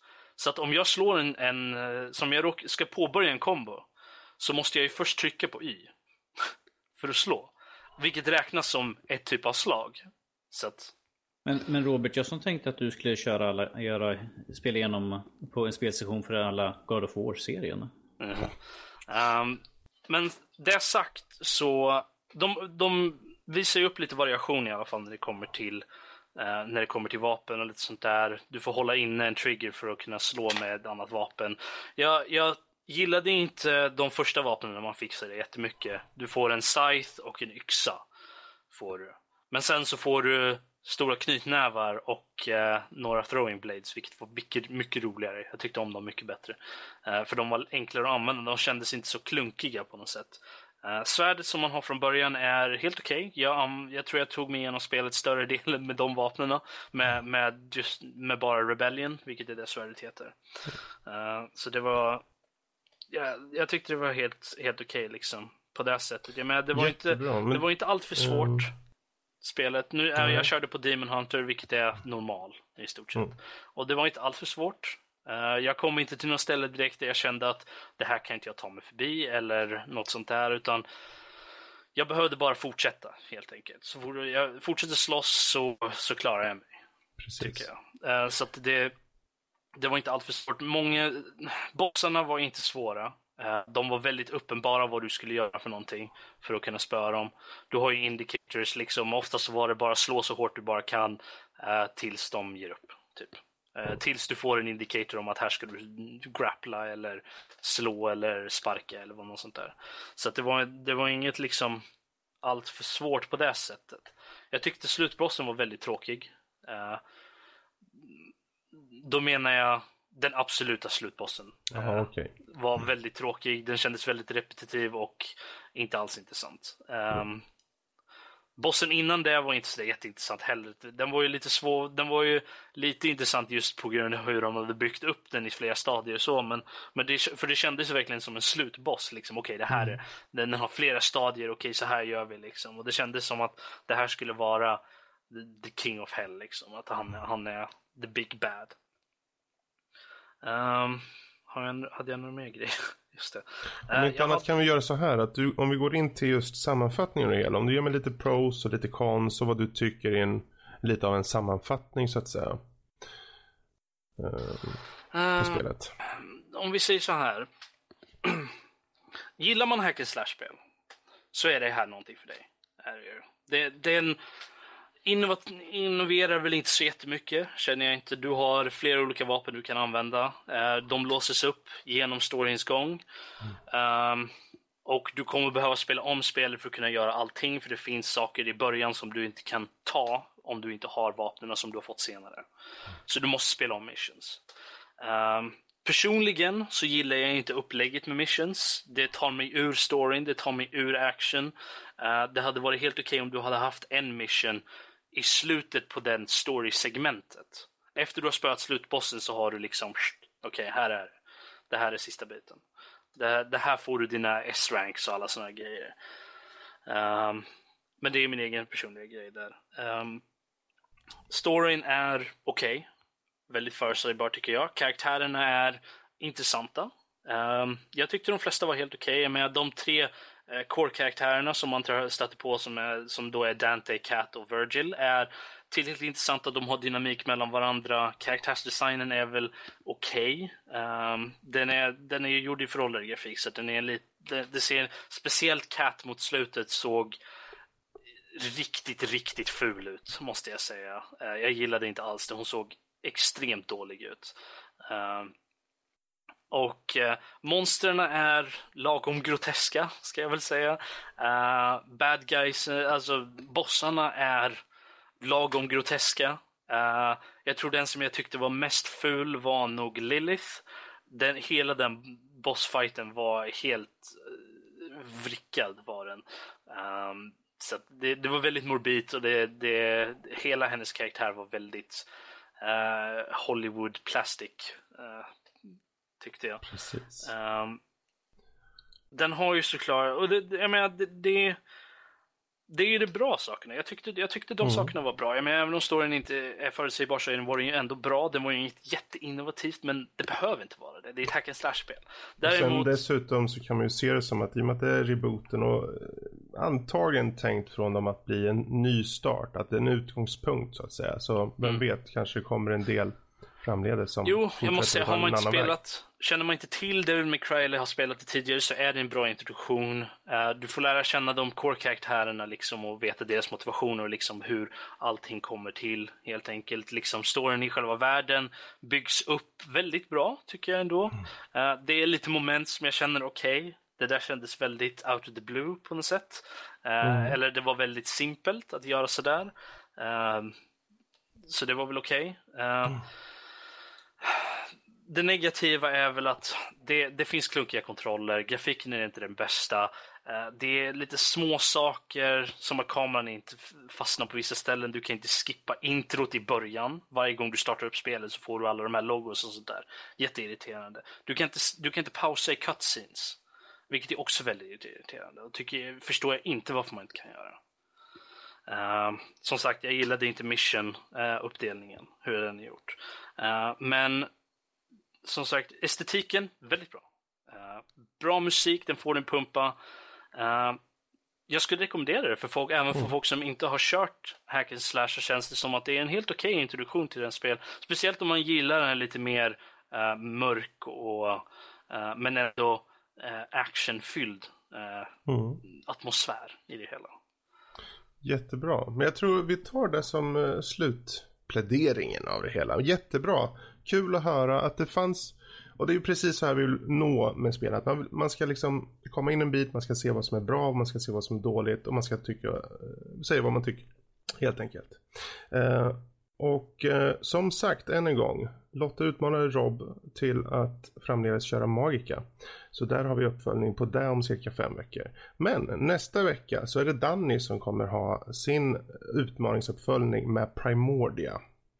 Det ser vi fram emot. Eh, och är det så att ni där ute känner, men varför spelar ni inte det här? Varför utmanar ni inte Kalle på det här? Eller varför, varför inte låta Lotta utmana Fredrik på Candy Crush Saga? Jo, Usch. då kan ni mejla in till oss och ge oss de där förslagen på info.nordlivpodcast.se. Och Bara det inte är dem- Candy Crush. Precis. och med de orden sagda så hoppar vi vidare till spelnyheter. Och ja, Danny, som vårt ständiga ankare i tillvaron. Hur ser det ut med spelnyheter? Och vi börjar på de vanliga nyheterna innan vi går in på Press Day i Stockholm. Precis. Jag sitter och tänk, satt och tänkte jag bara Hoppas jag slår- slår igång micken nu när jag ska börja prata. Och det gjorde jag såklart, det som ni hör mig. Eh, på Va? nyheter... Tyst Robert. Uh, han min syster Sonja får skälla på honom. Eh, vi kan gå in på lite, några korta här. Eh, Bioware kommer an, nyanställa för att de ska göra nytt IP. Eh, och eh, det är väl intressant men frågan är ju vad kan det tänkas att det ska bli för någonting? Det ska ju vara något, det kommer bli något, de säger att de har sökt efter folk som har erfarenhet av eh, MMO. Så att det antar att det kommer vara ett MMO. Men Alltså det är ju självklart. Det är ju ett steampunk-MMO. Så, nu är det klart. Alltså, jag, jag vet inte hur många av dem som lyssnar på just vår podd just nu, men eh, det är bara att kontakta mig på lotta.nordlivpodcast.se. Eh, jag kan, eh, kan nog skaka loss lite tid för, för er. Jag fixar det.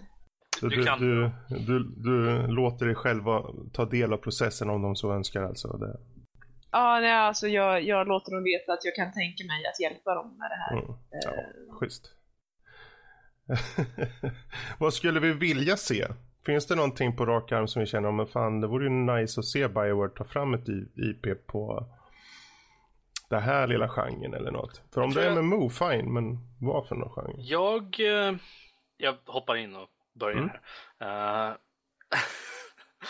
eh, jag tror jag sa det nu i, eh, i våran en studie för Bioware, men jag skulle vilja se dem göra ett tidsresespel som Chrono Trigger, typ. Eh, ett RPG, ehm, ett RPG eh, tidsresespel, helt enkelt, som i, Mm. i Chrono Trigger-anda, helt enkelt. Jo, Eh, det vore jag- ju nice. Jag skulle jättegärna vilja se dem göra någonting sånt. Ni andra då? Finns det någonting, eller är det svårt att sia om det? Alltså jag måste ju säga att så länge de är sanna sig själva, så länge jag känner att det är ett Bioware-spel så kommer jag Mm. spela det. Jag har stor tillit till vad de kan eh, krama ur sig. Jag, jag har inte så mycket att tillägga för att eh, jag är inte någon eh, expert på Bioware-spel direkt. Sådär. Jag har inte Mm. spelat så många eh, Bioware-spel alls. Dum, dum. Men eh, ja, eh, det finns ju inte så mycket att säga om det här. Det är ju egentligen att de har nyanställt för ett nytt IP. Och vi kan ju alla hoppas och tro att det blir något spektakulärt nytt och förmodligen jävligt bra story på. Så det är väl inte mer att säga än så. jag, jag är bara lite sur att det är ett nytt IP. Jag hade gärna sett ett, ett Star Wars från dem. Mm.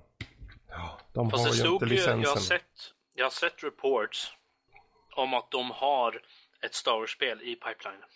Att de är, de, att det, de är ryktade att de har det i pipeline. Så att, Ja, den som lever får se, eller hur Norskis? Vad är Yes. nästa nyhet? Kotor 3. Uh, vi har ett till utannonserande om uh, nya spel. Nu är det Bethesda istället. De har Mm. utannonserat att de kommer att de har tre stycken spel under utveckling och som är st- storspel och de kommer att vara väldigt varierande. Ehm, så det, det är väldigt mycket nytt här men att tyvärr är det inte någonting, vi har ingenting direkt i hand på vad det kan tänkas vara. De sa väl att de skulle utannonsera det på E3 eh, här senare i år och eh, det kommer bli, jag känner att det kommer bli ett väldigt spännande E3 i år i alla fall. Mm. Med tre stora nyheter därifrån och Bioware ifall de utannonserade också.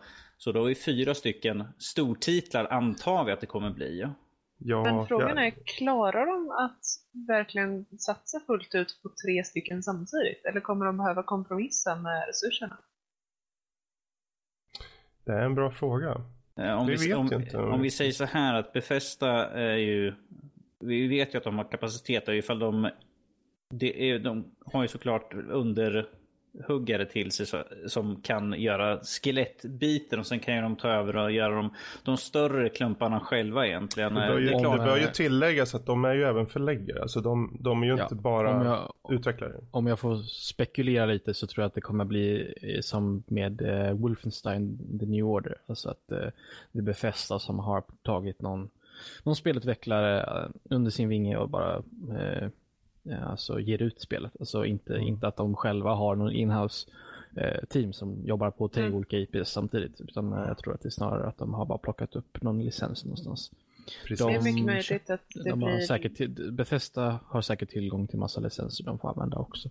Mm, Det kanske, ja, man vet aldrig. precis. Ja, Jag, eh, jag antar att det kommer säkert vara ett antal fortsättningar på deras populära serier, antar jag. Jag menar, det blir ett nytt Elder Scroll. Nej, vänta, är, de, är det dem? ja det är de. Ja, Robert. Så jag, jag är lite borta i huvudet när det kommer till utvecklare, liksom vilka som gör vad ibland. Eh, men jag menar, det kommer säkert vara ett nytt Elder Scroll, det kommer säkert vara en ny IP. Eh, en IP som de har köpt av någon annan eh, och kommer fortsätta med eller reboota. Så Det intressanta här nu, för de, där de uttryckligen säger är ju att vi har tre longer term projects så att säga, som vi gör. Eh, och de här är olikt från någonting som vi har gjort tidigare. Eh, att de uttryckligen säger så betyder åtminstone, om det nu är inhouse eller outhouse, uthuset, eh, så är det uppenbarligen i alla fall tre IPn som inte hör något med de befintliga. Det ska bli riktigt intressant. Eh, Half-Life 3 outsourcat till dem från uh, Valve. Eh, nej tack. Jag, jag menar, vi, jag, tycker, jag säger så här, vi kan lika gärna glömma att det kommer komma någon Half-Life. För nu fick vi en, expansion, eller en fortsättning på, oh, vad heter det för någonting? Är det Blue Shift? Det, det, Ja, det, var, det är i alla fall en expansion de släppte. Det var någon fa, fan gjorde som de släppte här nu i veckan. Och det jag menar, då, då, då vet vi att vi kommer inte få se någon Half-Life i fortsättningen. För när fans och andra gör spelen åt dem, då kan vi lika gärna glömma det. Det har jag sagt i alla fall. Ja. Men där har vi i alla fall nog sagt om den här lilla nyheten. Det finns inte mycket att säga om den heller. Men det är kul att ta upp. Om vi fortsätter då, Norskis. Yes, vi fortsätter här nu med våran lilla Windows-rant som vi har haft här nu ett par veckor och Windows 10 och sånt där. Eh, eh, nu har de utannonserat Quantum Breaks eh, släpps ju på PC, men att när vi tänker spel släpps till PC så tänker vi vanligtvis att de släpps på Steam, men så är inte fallet det här, utan det här kommer släppas endast via Windows Store-butiken och det kommer bara fungera på Windows 10, inte någon tidigare eh, Windows-plattform. Kan, kan jag bara få säga här att jag är väldigt imponerad över din röst där Danny. Du låter så jäkla bra som en här nyhetsläsare där. Sorry. Ehm, Jag vet inte om det är Vänta, sarkastisk eller nej, nej, jag menar, jag så. menar det fullt allvarligt. Jag tycker du, du passar verkligen i den här rollen. Ehm, Eh, damer och herrar, kära lyssnare. Eh, vi har ett första i någonsin i podcastens historia. En ärligt menad komplimang eh, Från från Rob. Rob. till Danny. Eh, jag, jag tror att vi måste skriva ner det här hörni. Du, jag såg utanför fönstret, det flög en gris förbi. Ja, ja men då precis så. Där har vi. jag Man undrar kunde vart hon var någonstans.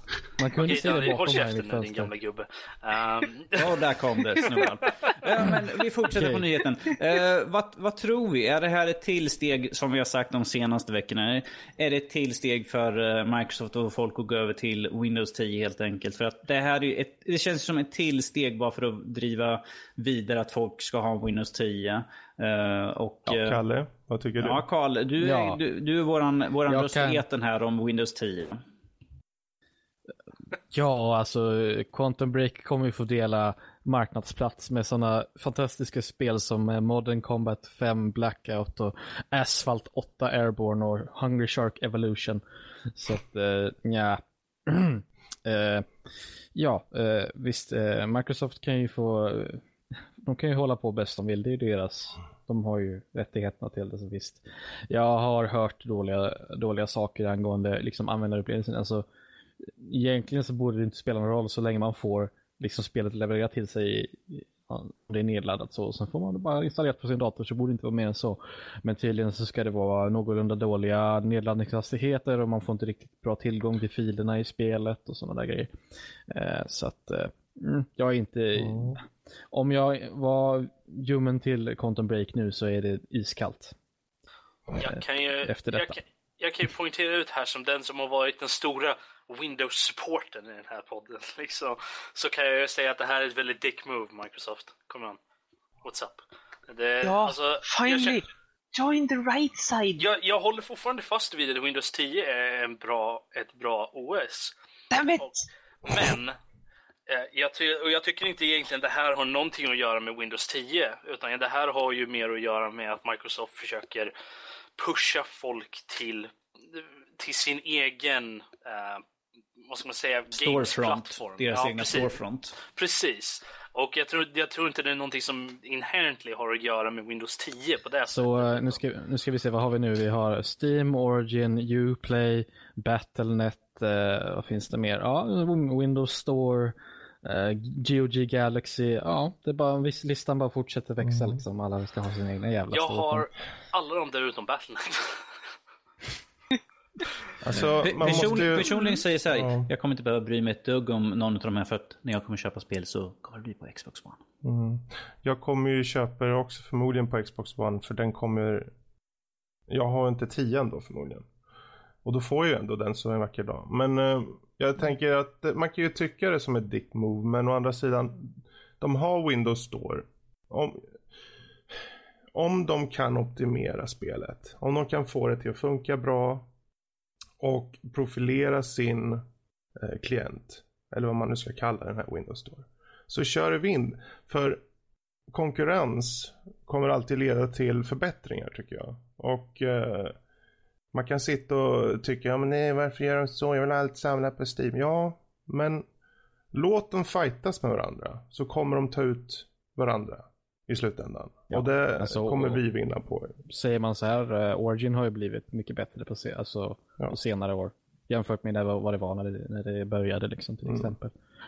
Uh, Alltså det är alltså, klart att men... Microsoft kommer vilja pusha för sin plattform. Det är ju helt ja, ja. självklart. Precis. Jag ser absolut inga fel i det. Jag ser det som en självklarhet att de kommer vilja pusha och särskilt när de varit så starka med att de vill ha den här kopplingen mellan Xbox One och Windows 10 så ser jag det som en ganska naturlig del att de lägger den på Windows Store. Men, Sen kan men... man tycka vad man vill om det. Men det är helt alltså, självklart. Jag, jag, jag, kan ju se logiken bakom det liksom på det sättet. Men samtidigt känner jag liksom att de la ju ner Games for Windows Live-grejen mm. som de hade förut. Liksom.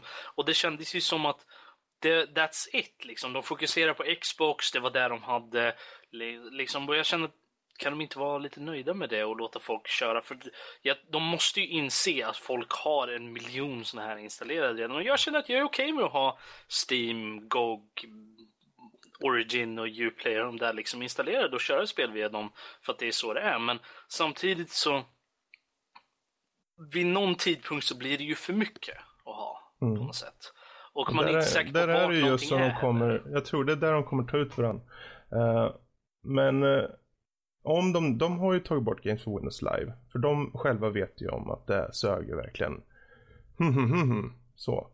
Men eh, då kan man ju tycka att när de väl kommer till Windows Store. Och vi, jag vet ju inte hur optimeringen ser ut där än. Jag har inte Windows 10, jag har in, absolut inte några betänkligheter att köpa några spel dit, där inom närmsta framtiden. Men jag kan ju bara anta att de vill att spelen ska funka där. Och att det ska vara enkelt. Och att det ska vara kopplat framförallt. För jag antar att sp spelkopplingen kommer vara Xbox One-mässig. Det vill säga att du kommer få points och liknande. Så... Ja, eh, är du färdig Fredrik? För jag vill ja. ställa en fråga till alla. Ja. Eh, jag kommer att tänka på det här med, med, just med att dels så har vi DX12 som kommer ut och sen då Vulkan kommer också ut snart. Eller de är ja, på väg. Mm. Eh, och jag kommer, fick den här frågeställningen att hur, hur mycket kan man förvänta sig av att, alltså att gamla operativsystem ska fullt ut stödja de nyaste och bästa spelen? Jag menar, eh, det här är ju någonting som man fightas med på konsolsidan hela tiden. Att eh, du, du har ju inte eh, alltså 100% bakåt kompatibilitet och sånt där. Så hur mycket ska man egentligen förvänta sig att de nyaste spelen ska stödjas av gamla operativsystem. Eh, rent Egentligen. krasst sagt så tror jag inte den kom, de kommer inte ha något stöd alls på de äldre operativsystemen. Som Windows nu pushar hårt för tiden. Jag tror inte att, det kommer, att du kommer ha så mycket stöd för de äldre spelen egentligen. Om man pra- pratar, låt oss säga Windows 7 och framåt, för ja, ja, de, mm, de har ju ja. fortfarande officiellt stöd. Ja, det, det vet, I Nej. så fall kommer det inte vara så länge till i så fall. Jag tror att eh, Mm. det kommer Nej, men alltså, liksom vad- vad mer anser ni? Vad- rakt vad- upp och ner. Vad, vad anser ni menar jag? Mer? Alltså vad tycker ni att man ska, bör kunna förvänta sig? Hur länge ska vi kunna sitta på samma plattform Ja. innan Alltså, eh, man tvingas tror- uppgradera utan, på grund av att mjukvaran inte, Jag inte tror nog att är optimerad för just den plattformen? Jag tror vi kommer se att det, det kommer vara en stor move till Windows 10 inom de närmsta två åren. eh, när det Mm. kommer till spel, till PC. Eh, att eh, många spel kommer kräva eh, Windows 10 och framåt. eh, när det väl kommer i Windows 11 eller vad det nu kommer att heta. Eh, det kommer väl också om ett par år där snart. Eh, men jag tror, jag tror nog inte att det kommer stödja. Windows 7 är ju, stöds ju inte officiellt av, eh, alltså primärstödning av Windows 7 är har ju bortgått. Har det gjort. Um, Windows 8 stöds ju fortfarande officiellt men jag tror det går ut nästa år eller om ett två år eller något sånt där. Så att eh, när, de, när de släpper eh, primärstödet för Windows 10 eller Windows 8 så kommer eh, i stort sett alla spel kräva eh, Windows 10 framåt. Alltså jag hoppas verkligen jag har fel. Eh, Men det beror ju bara på vad jag tycker om Windows 10. Eh, Å andra sidan kan man hoppas att det har blivit något vettigt tills dess. Men jag, jag känner att jag känner att det är bra ändå. För det, det får allting att gå framåt. På något sätt. Sen om alla inte tycker om Windows 10, det är ju en helt annan sak tycker jag. Men att det, det pushar ju allting framåt. Teknologin går ju framåt hela tiden. Vi ser ju nya grafikkort kommer ut var tredje timme liksom. Det, det är liksom alla sådana där processorer och whatever går ju framåt med eh, stora Neil Armstrong-steg här. Och det varför inte samma sak med programvara och operativsystem och sånt där? Varför måste vi fortsätta gnälla över att nej, men Windows 98, det var fan det bästa? Eh, eller vad säger jag, Windows, Windows XP, Eh, XP ska det vara, det var, nej, det var tidigare. 95, det var goda grejer. Ja, Alltså, 3,11. grejen är att jag har ingenting som helst emot nya OS. Eh, Jag övergav Vista som det sjunkande skepp det var så fort Mm. sjuan kom ut. Men varför ta någonting som är bra och göra det till en bajsmacka? Jag, jag, Jag tror inte det var riktigt deras intention om vi säger så. jo, jag tror det var precis Jag tror det faktiskt de menade. sitter där och tror att det är bra. Eh, Nej, Eh, Det det finns ju kan de såklart folk som göra. håller med dem. Som bevisat i den här podden om att jag gör det. Jag håller med om att det är ett bra operativsystem. ja, det är klart jag det har inget att säga om det riktigt för jag har inte kört det. Jag Alltså, kan inte det, säga det, någonting. det finns ju alltid saker att förbättra. Det finns alltid saker att förbättra. Så är det ju alltid. Windows XP sög när det kom. Nej, det gjorde det inte. Men, men det, Alltså det här, hela Windows 10-frågan har vi ju gått fram och tillbaka om och det, Ja. den har nyss kommit ut. Det kommer ha massa barnsjukdomar, så är det. Eh, Service Pack X kommer en vacker dag. Men med Quantum Break, det släpps på PC. Så, fine. Vi får se hur det blir med det. Om vi fortsätter då, Norskis. Eh, yes, eh, vi fortsätter då med uh, System Shock 3 som får uh, hjälp av en av skaparna av System Shock, Warren Spector. Mm. Det här tycker jag, personligen tycker jag att det här är skitkul att höra att en av de gamla rävarna kommer tillbaka till, till det nya spelet. Jag menar, som jag ser det, ska man göra en en fortsättning eller en reboot så tycker jag att man ska ha med originalskapen för att då får man med själva essens av vad spelen var i så fall. Just det som var grundidéerna och det här tycker jag är jättebra och jättekul för det nya spelet. Han, jag tror att han kommer ha väldigt mycket att säga till där. Eh, va, va, jag vet inte hur många ut- utav er andra som har spelat System Shock. Jag är skeptisk på att Robert och Karl har spelat som de är våra små pojkar här. Så att, eh, men jag vet att Fredrik och jag har spelat. Lotta, du har väl kanske testat på något utav dem? Faktiskt inte. Det är ett av de här spelen som ligger på min skamlista. Mm. Så Fredrik, eh, då kan vi fråga dig som jag vet att du ändå har, har spelat de andra spelen. Hur, Ja, hur ser du på den här ja. nyheten? Jag tycker det är jätteintressant för eh, jag vet inte hur många gånger man har hört om originalutvecklare som går tillbaka till sin gamla spelserie. Eh, dels för uppenbarligen så har han någonting driv igen, någonting han vill få ut så att säga. Och om man ser på hans spelbibliotek, det var han som skapade Wing Commander, det var han som skapade vissa av Ultima-titlarna och System Shock såklart och Thief och Deus Ex till exempel med mera. Så det finns, han har ju ett, ganska intressant bagage bakom sig och att han kommer tillbaka till den här studion Uh, får se, de är Other Side Entertainment, en, en ny studio som har core members från gamla Looking Glass, alltså Thief-studion för. Mm. Uh, så, så känns det som att det blir en mix som ska bli intressant att se hur de faktiskt sätter ihop det här nya spelet. Det, det här kan ju det kan ju bli totalt skit såklart. Men det kan också bli en revival för uh, den här uh, skräck, sci-fi, techno, thriller-genren typ. Ja, Robert? Alltså, jag vill bara ställa frågan egentligen. Känner ni att när det kommer till en sån här reboot, du säger, du säger Danny att, att du tycker att de borde ha med originalskaparna när de gör en reboot. Men är inte det att gå tillbaka lite?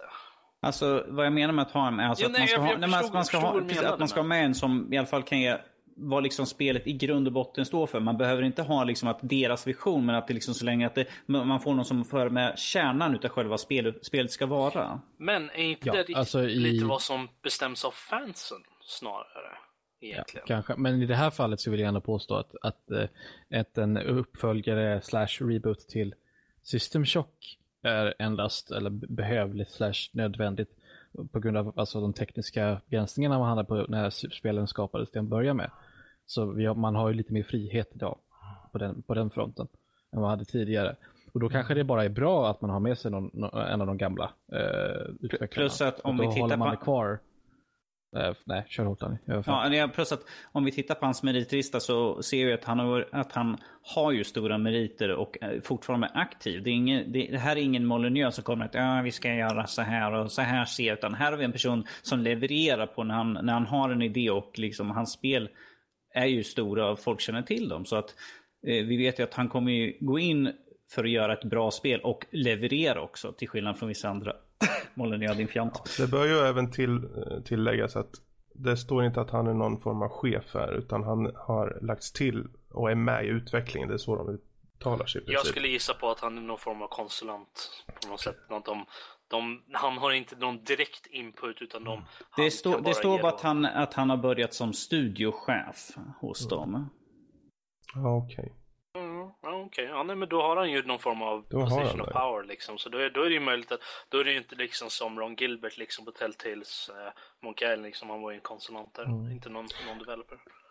Ja det, ja, det är en kul nyhet och jag tycker det är intressant att se en, en skapare komma tillbaka till ett verk som de varit delaktig i efter typ 20 år nästan och hoppar in mm. i processen igen. Så vem vet, det kanske får en, um, en sann prägel av sitt ursprung. Danny, hur ser det ut med nästa nyhet då? Yes, och den här nyheten då, då får väl jag helt enkelt säga så här. Robert plockar fram chipsen.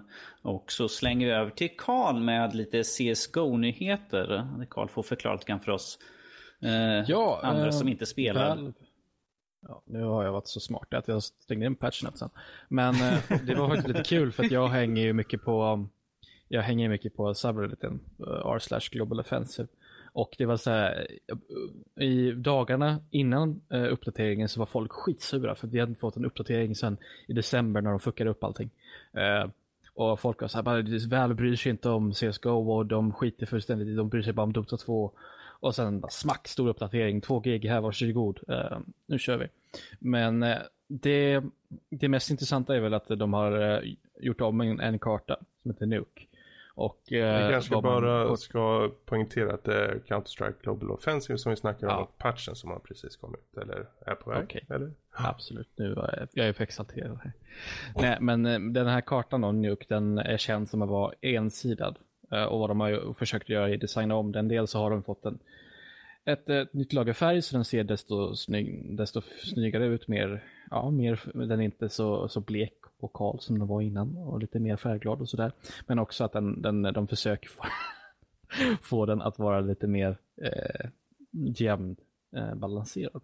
För er, som, de... för er som lyssnar så sitter nu både Fredrik och Robert här till chips medan Karl sitter och förklarar. Alltså, Men avbryt inte Jag vet inte om jag ska ta illa upp. Karl, bry dig inte om dem. Jag lyssnar och Lotta lyssnar också. Så jag njuter av din stämma Karl. Ja, absolut. Men i alla fall. Eh, de har gjort massa småfix här och där helt enkelt. Det är jättemycket små grejer som ah, vi har fixat det här och ändrat på det här. Eh, de har gjort ändringar i gamla kartor också. Eh, bara sådana här pyttesmå grejer. Eh, så att och de har lagt till massa um, co-op. det finns ju co-op strike uppdrag i CS också. De har lagt till en massa mm. extra funktionalitet där. och sen ska vi se här, jag har patch notesen uppe. Det är, alltså uh, om man vill gå in på detaljerna så är det bara att leta upp patch notesen.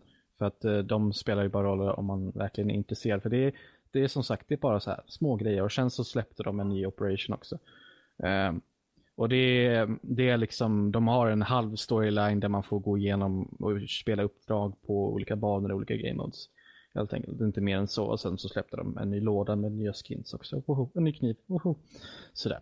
Yay! Så att eh, allt som allt en positiv uppdatering. Eh, inget, inga konstigheter. De hade lite återkommande buggar men de fixade dem illa kvickt. AMD-användare som mig själv hade också lite problem.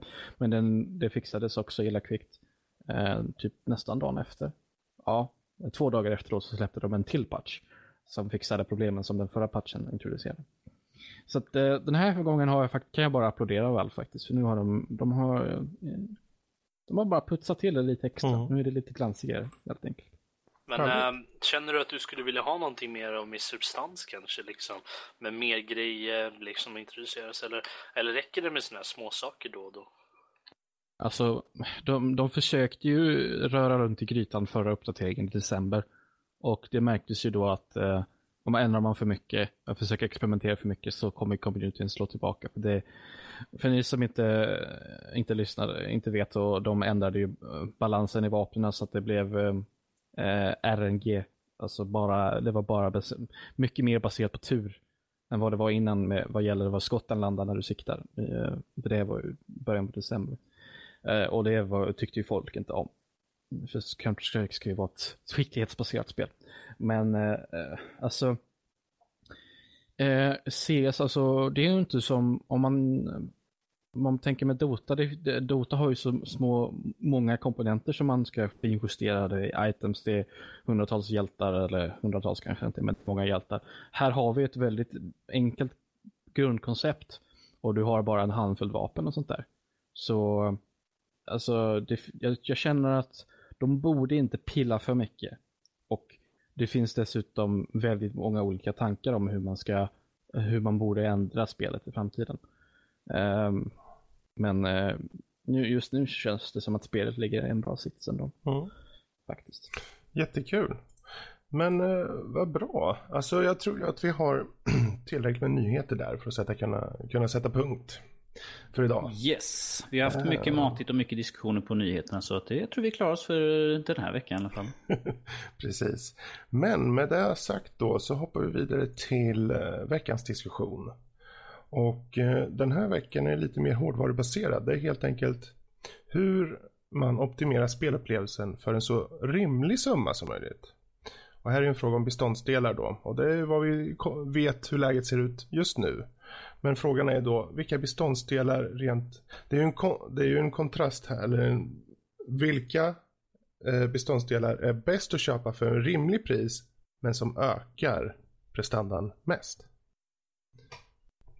Alltså det beror ju lite på vad det är för spel man pratar om. Um, är det ett spel som har väldigt, som tar upp väldigt mycket ram, alltså som, till exempel som är nätbaserade. Um, och har mindre grejer som faktiskt sker på din dator, uh, ja, då behöver du ju inte satsa stenhårt på uh, att fixa liksom hårddisk. Visst, en SSD är väl alltid uppskattat, men då vill du ju ha bra ram istället. Till exempel. Eh, är det ett grafikkrävande spel, ja men då, då behöver du ett bra grafikkort. Eh, ledsen men så är det. Eh, jag, jag, jag, tänker, ehm. jag tänker slänga in min lilla tanke på när det gäller uh, uppdatering och sånt där. Här, här är vad jag brukar göra när jag känner liksom att datorn funkar inte riktigt som den ska. Då tar jag och gör så här. Fredrik, tja Danny, du, vad behöver jag för att min dator ska bli bättre? det är skräp bakom ratten, brukar svara. Ja, det, jag tror det är något smuts i sladden. Det är skit, skit bakom spakarna.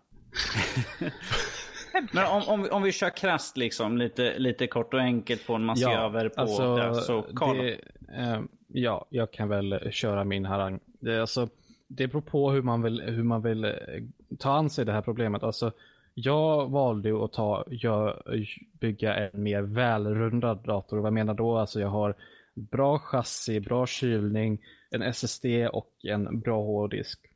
Eh, man skulle kunna eh, gå tillbaka, backa på de punkterna och köpt bättre grafikkort och bara kört på eh, den medföljande kylan och en, bara en vanlig hårddisk istället. Eh, men å andra sidan då blir ju hel, hela upplevelsen lite sämre för att en SSD förhöjer ju upplevelsen bara i användardatorn för den är inte bara till för gaming. Men eh, eh, alltså, ja, alltså man, man, eh, det man, alltså vi, vi är i ett litet skifte i spel nu för tiden. Det beror givetvis på vad man ska spela, men eh, spel går mer ifrån att, eh, okej okay, nu kommer man in på det tekniska, men eh, innan eh, och fram tills nu, med vissa undantag, så spel mest fokuserat på single core performance.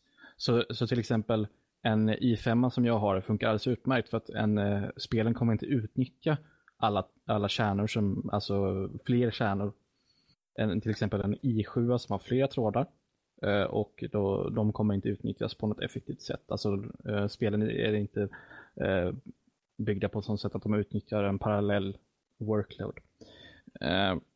Men det, för, det ser vi ett litet skifte i. Vissa, vissa spel till exempel, jag vill säga typ Arma till exempel, eller Ark Survival Evolved, de, de, man får man nyttja, nyttja, man får väldigt bra nytta av att ha en, en bra, väldigt, väldigt bra CPU där till exempel.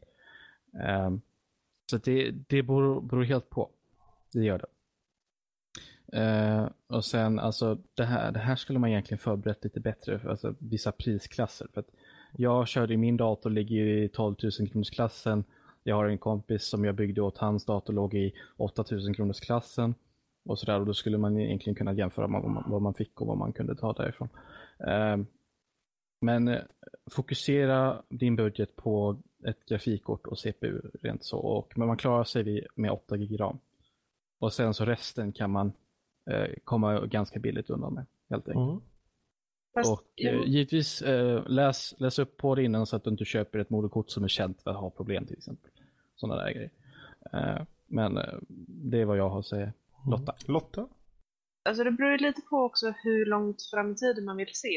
Eh, till exempel om man vill ha ett system som funkar bra nu och kanske två år framåt. Eh, då skulle jag personligen satsa aningen mer på eh, grafikkort men inte tänka lika mycket på processor och moderkort. Um, men när jag bygger en dator så tänker jag att ja, men, jag, jag bygger ett system som funkar länge. Eh, och då är det just de här grundbitarna eh, kanske lite tråkiga med moderkort och, och processor som jag tror håller länge. Eh, det är faktiskt därför jag har en i7 trots att den idag inte egentligen används fullt ut. Men eh, lite sämre grafikkort för att de är helt enkelt lättare att byta. Mm. Det finns ju en lättare uppgraderingsförmåga där så att säga. Att du har grundstommen med moderkort och CPU så är det lättare att byta grafikkort än att kanske byta mm. moderkort och CPU. För när du byter CPU och moderkort så kan det ju lätt bli att du också kanske behöver en ny typ av RAM-minne till exempel. Och... Ja, precis. Det stämmer helt. Och jag kan nämna det också att man kommer väldigt långt på att bara byta ut grafikkortet. Alltså, ja, låt oss säga att du köper en stabil stomme och sen så byter du grafikkort kanske mm. om tre år eller något sånt där. Mm. Precis. Ja, något i den stilen. Det kommer man ganska långt på. Mm. Och prisklasser då, det är ju som du säger, där det finns ju budget och det finns mellanregister och sen finns det high-end och eh, mm. det allt handlar om hur mycket pengar du har, hur mycket du vill lägga ner såklart. Men eh, jag vet inte om jag personligen, jag går ju alltid efter minst medium, medium up. Uh, och även om jag sist, nu vet inte jag, jag köpte ju en sån här AMD R9 290 på 4 gig.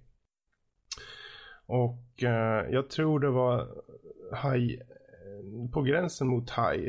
Uh, det var ju AMDs high-end. Alltså de hade ju 290X. Men det enda var skillnaden där var lite högre klockfrekvens. Mm. Så man skulle kunna anse att på sin tid när det släpptes så var det high-end från AMDs ja. sida. Och, eh, men det var ju inte så mycket för att jag var... Jag fick det för ett jävligt bra pris. Å andra sidan. AMD kontra Nvidia, där är ju någonting ni kan kolla också på. Ni kanske får en, lite annan upplevelse, en lite mer fyllig upplevelse med Nvidia-korten men du sparar en slant på AMD. Så det, där är någonting man också får ta in i beräkningar om, mellan de två då, om man ser på grafikkorten. För tillfället är det så i alla fall. Precis. Jag hoppas att AMD kommer igen på kvaliteten snart. Exakt, exakt. Bra. Eh, jag vet inte, finns det någonting mer man kan säga om just eh, det här med eh, hårdvaruoptimering? Eh, självklart finns det ju en del saker i mjukvaran också man kanske ska tänka på. Det är ju självklart bra att ha, som vi snackade om tidigare, ett bra operativsystem, eller hur Lotta? Mm, precis, inte någon Jörgens skit. Nej. Så det är ju alltid bra att kanske köpa någonting som bundlas med om man har den turen då. Eller, så, eller OEM eh, rättare sagt. Och eh, se till att man kanske är van vid det. Nu sitter vi ju i en tid där just tian, jag vet inte hur det ser ut i, i handeln. Är det bara tian man får med ut eller är det sjuan fortfarande, eller vad säger jag, åttan kvar fortfarande? Det känns som att åttan borde vara kvar va? Eh. Ja, det stämmer. Det stämmer. Åttan finns kvar. Det vet jag. Mm. Det har jag sett. Men eh. Det, Det, det är säkert också en push från Microsofts sida att de vill att alla eh, laptoputvecklare och prebuilt eh, laptop-tillverkare eh, ska bundla med eh, Windows 10. Mm. Ja, det... Tyvärr Lotta, men jag tror att Ja. för, för användarna så är det nog kanske bäst att börja med 10 För, det är in, in, för att det är där vi ligger nu i tiden och då blir Ja. ni vana med systemet. Du vi kommer ju snart få eh, DX10 och Vulkan och sånt där. Så då Ja. tror jag att det om man hoppar in nu så är det lika bra att hoppa in med det senaste. För då, då har man inga rose tinted glasses för Windows 7. Eller? Man vet inte bättre, säg som det är. Sug på den Lotta! Nej. Men så är det med det.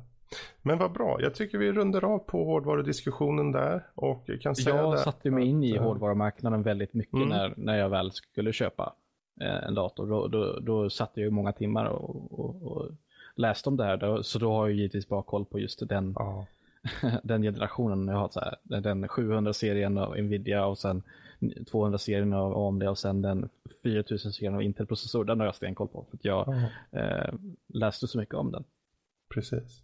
Eh, men eh, Så där är det ju lite Alltså- för de flesta kanske. För jag vet för mig här Mm. i våras när jag uppgraderade. Då läste jag på och tog reda på både det ena och andra och ville ha det absolut krämigaste kände jag just då. Eh, Mm.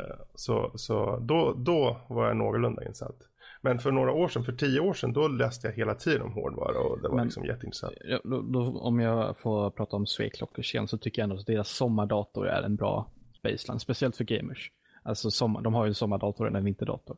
Utgå från den. Om du inte, om du inte orkar bry dig så mycket att eh, du vill eh, göra din egen uh, förundersökning så, så gå efter den istället. De, de vet ju, de håller koll på sin, på sin sak. Jag har så jäkla tur att min, min bror, han är ju jätteinsatt i det där, sitter och bygger, dator, sitter och bygger ihop datorer på uh, Komplett. prisjakt hela tiden. Så där, där han sätter ihop dem. Så att jag, jag behöver bara be honom, okej, jag behöver en dator för 10 000. Uh, bygg ihop den åt mig. Så fixar han det. Jag, jag känner att jag är han gör glad det att... så glatt för han tycker det är kul. Jag känner att jag är glad att Typ. liksom, när jag har något problem då tar jag bara sig till telefonen. Det är något fel på min dator och ringer upp Fredrik automatiskt. Så. Det är kul, jag tycker det är kul. Ja, jag vet. Om det. man får jag, jag tillfälle att- ringer. Ja, det är så kul för man att bygga datorer, men det är en helt annan diskussion. Ja, jo det är jättekul. Men Ja. som sagt, Sveklockers är en jättebra sida. Eh, Mm. Så att Mm. kolla in eh, den. Det är alltså Sveklockers med W och Ja, och sen är eh, inte bara Sweclockers utan också Reddits eh, eh, Build a PC också. R slash Build a PC. Också riktigt bra. Tipptopp. Där har vi avslutat på den diskussionen. Nästa vecka kommer vi, eh, om inte någonting ändras tills dess, eh, ha diskussionen angående finns det ett utgångsdatum för spel? Är exempelvis 10-20 år sp- eh, gamla spel lika bra idag enligt dagens mått mätt? Eller är spel barn av sin tid? Vi går mer ingående på det nästa vecka. Ja, jag, jag, barn av sin tid. jag, jag skulle önska att vi hade haft det veckan efter när Carl, eh, när Carl ska köra om uh, Chrono Trigger. För det är ju verkligen ett, ett Som gammalt sagt, spel. allting kan ändras för att Allt kan passa. ändras. Jag kommer hitta på en bättre serie nästa vecka. Men eh, nog sagt om diskussioner här så tar vi hoppa vidare till slutligen då övriga nördämnen. Och eh, vi skulle ha lite av era intryck där Rob och, och Danny angående Deadpool som ni har varit och sett. Yes, Robert, börja du. Uh, den var bra. Bra. Okej, Danny. Tack Rob, nu är det Så det koncis har du aldrig varit i hela ditt liv. Alltså jag kan ju Nej. fortsätta om ni vill. Nej, jag, jag har ju Danny. mer saker Nej, nej, nej, nej, men- nej. Men det är okej. Danny Danny, får briljera nu. Varsågod. Eh, ja, vart ska jag börja med? Uh, till att börja med kan jag säga att jag tycker det är skönt att de eh, satte en R-rating på den i alla fall. Eh, Mm. Vilket kändes att den behövde. Eh, nu efter att ha sett filmen så förstår jag mycket väl. Och det var väldigt uppskattande och uppfriskande att se lite, lite extremvåld från en, en, en superhjältekaraktär här när huvuden flyger fram och tillbaka. Sådär. Men att eh, jag tycker Oh, att... he ain't no hero. Nej, antihjälte då. Eh, Men att eh, jag tycker att det var väldigt skönt och eh, den var väldigt, väldigt humoristisk. Satt och gapflabbade väldigt många gånger så här, fast det brukar jag göra på skräckisar också sådär när, när folk blir mördare eller de skräms alltid ihjäl. Men att det, Men är det då för att det är roligt eller mer för att effekten är dålig? Kan vara både och. Kan vara, kan vara, kan vara, väldigt, kan vara väldigt intressant. Jag tänker dumsnut. Du är en sjuk människa.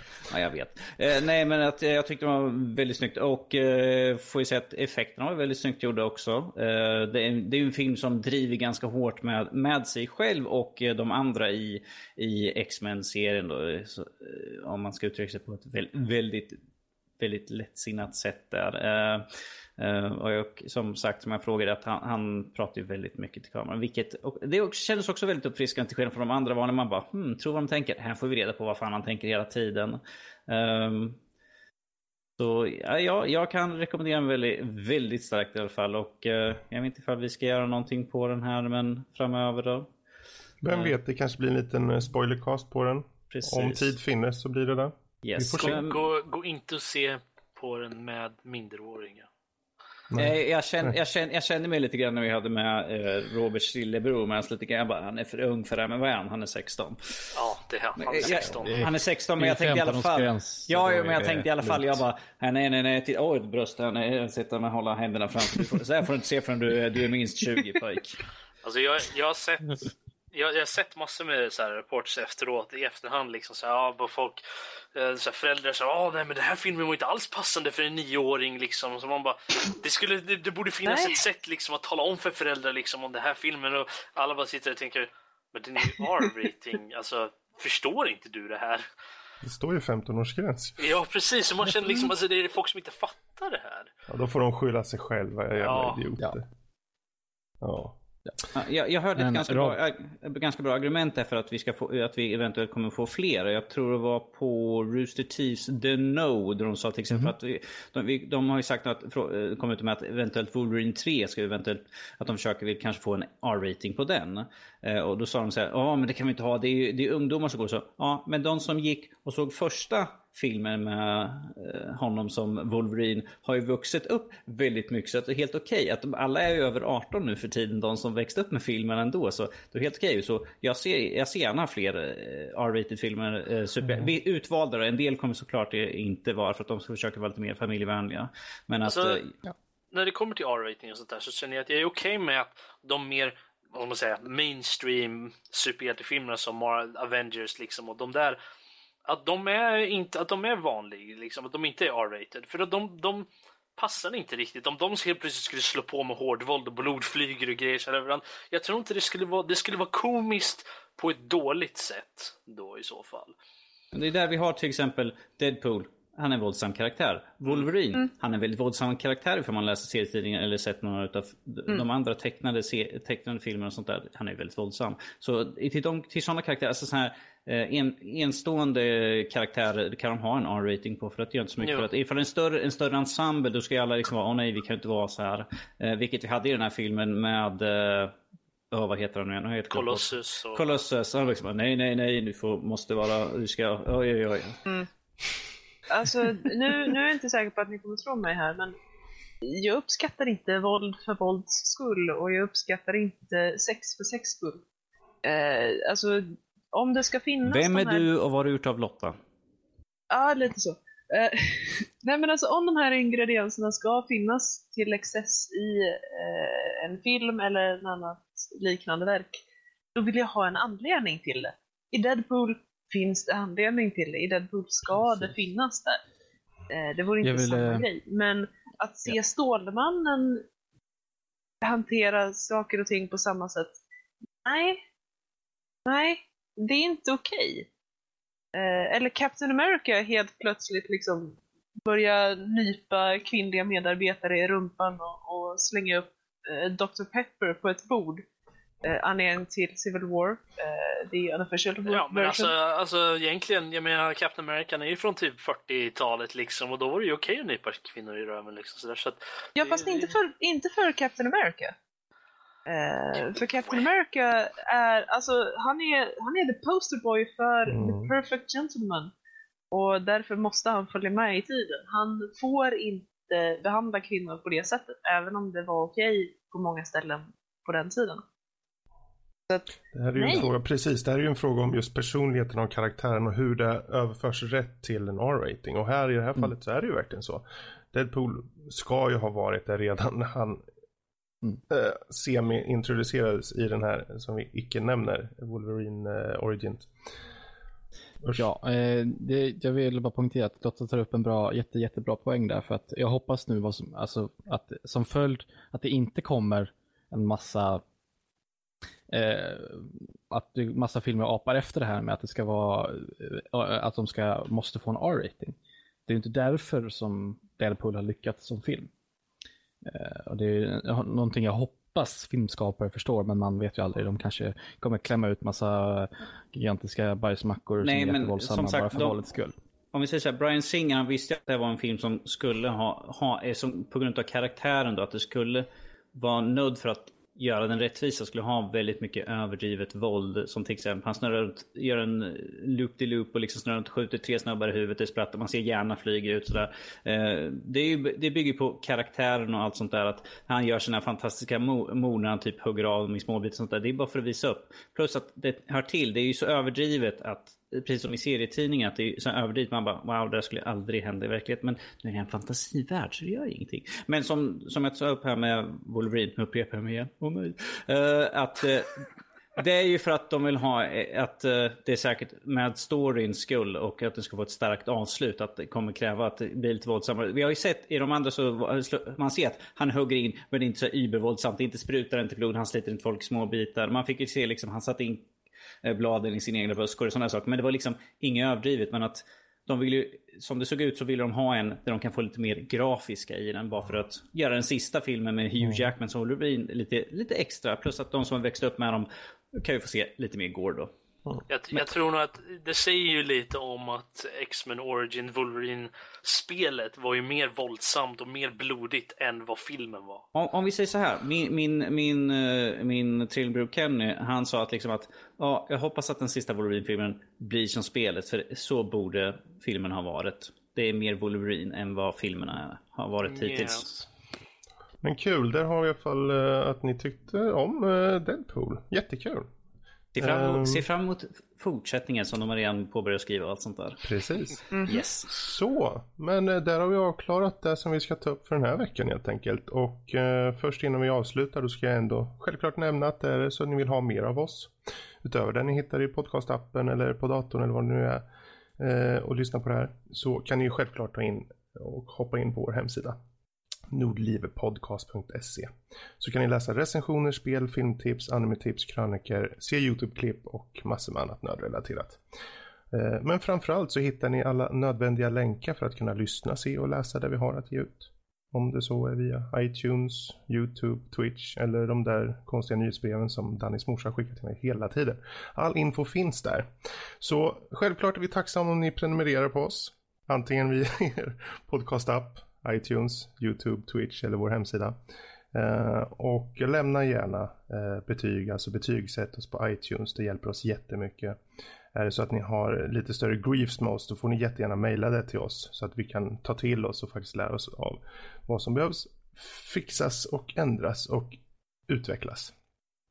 Men annars, har ni några andra idéer? Mejla in till oss då på info.nordlivpodcast.se eller om ni vill nå någon av oss personligen så är det bara att ta förnamn nordlivpodcast.se så når ni oss individuellt. Så, men uh, ja, det finns väl inte mer att säga. Vi får tacka för den här podden och hoppas att ni tunar in nästa vecka. Så ni får säga bye bye allihopa. Bye bye, bye. allihopa. Tack för att ni Bye bye. Bye bye.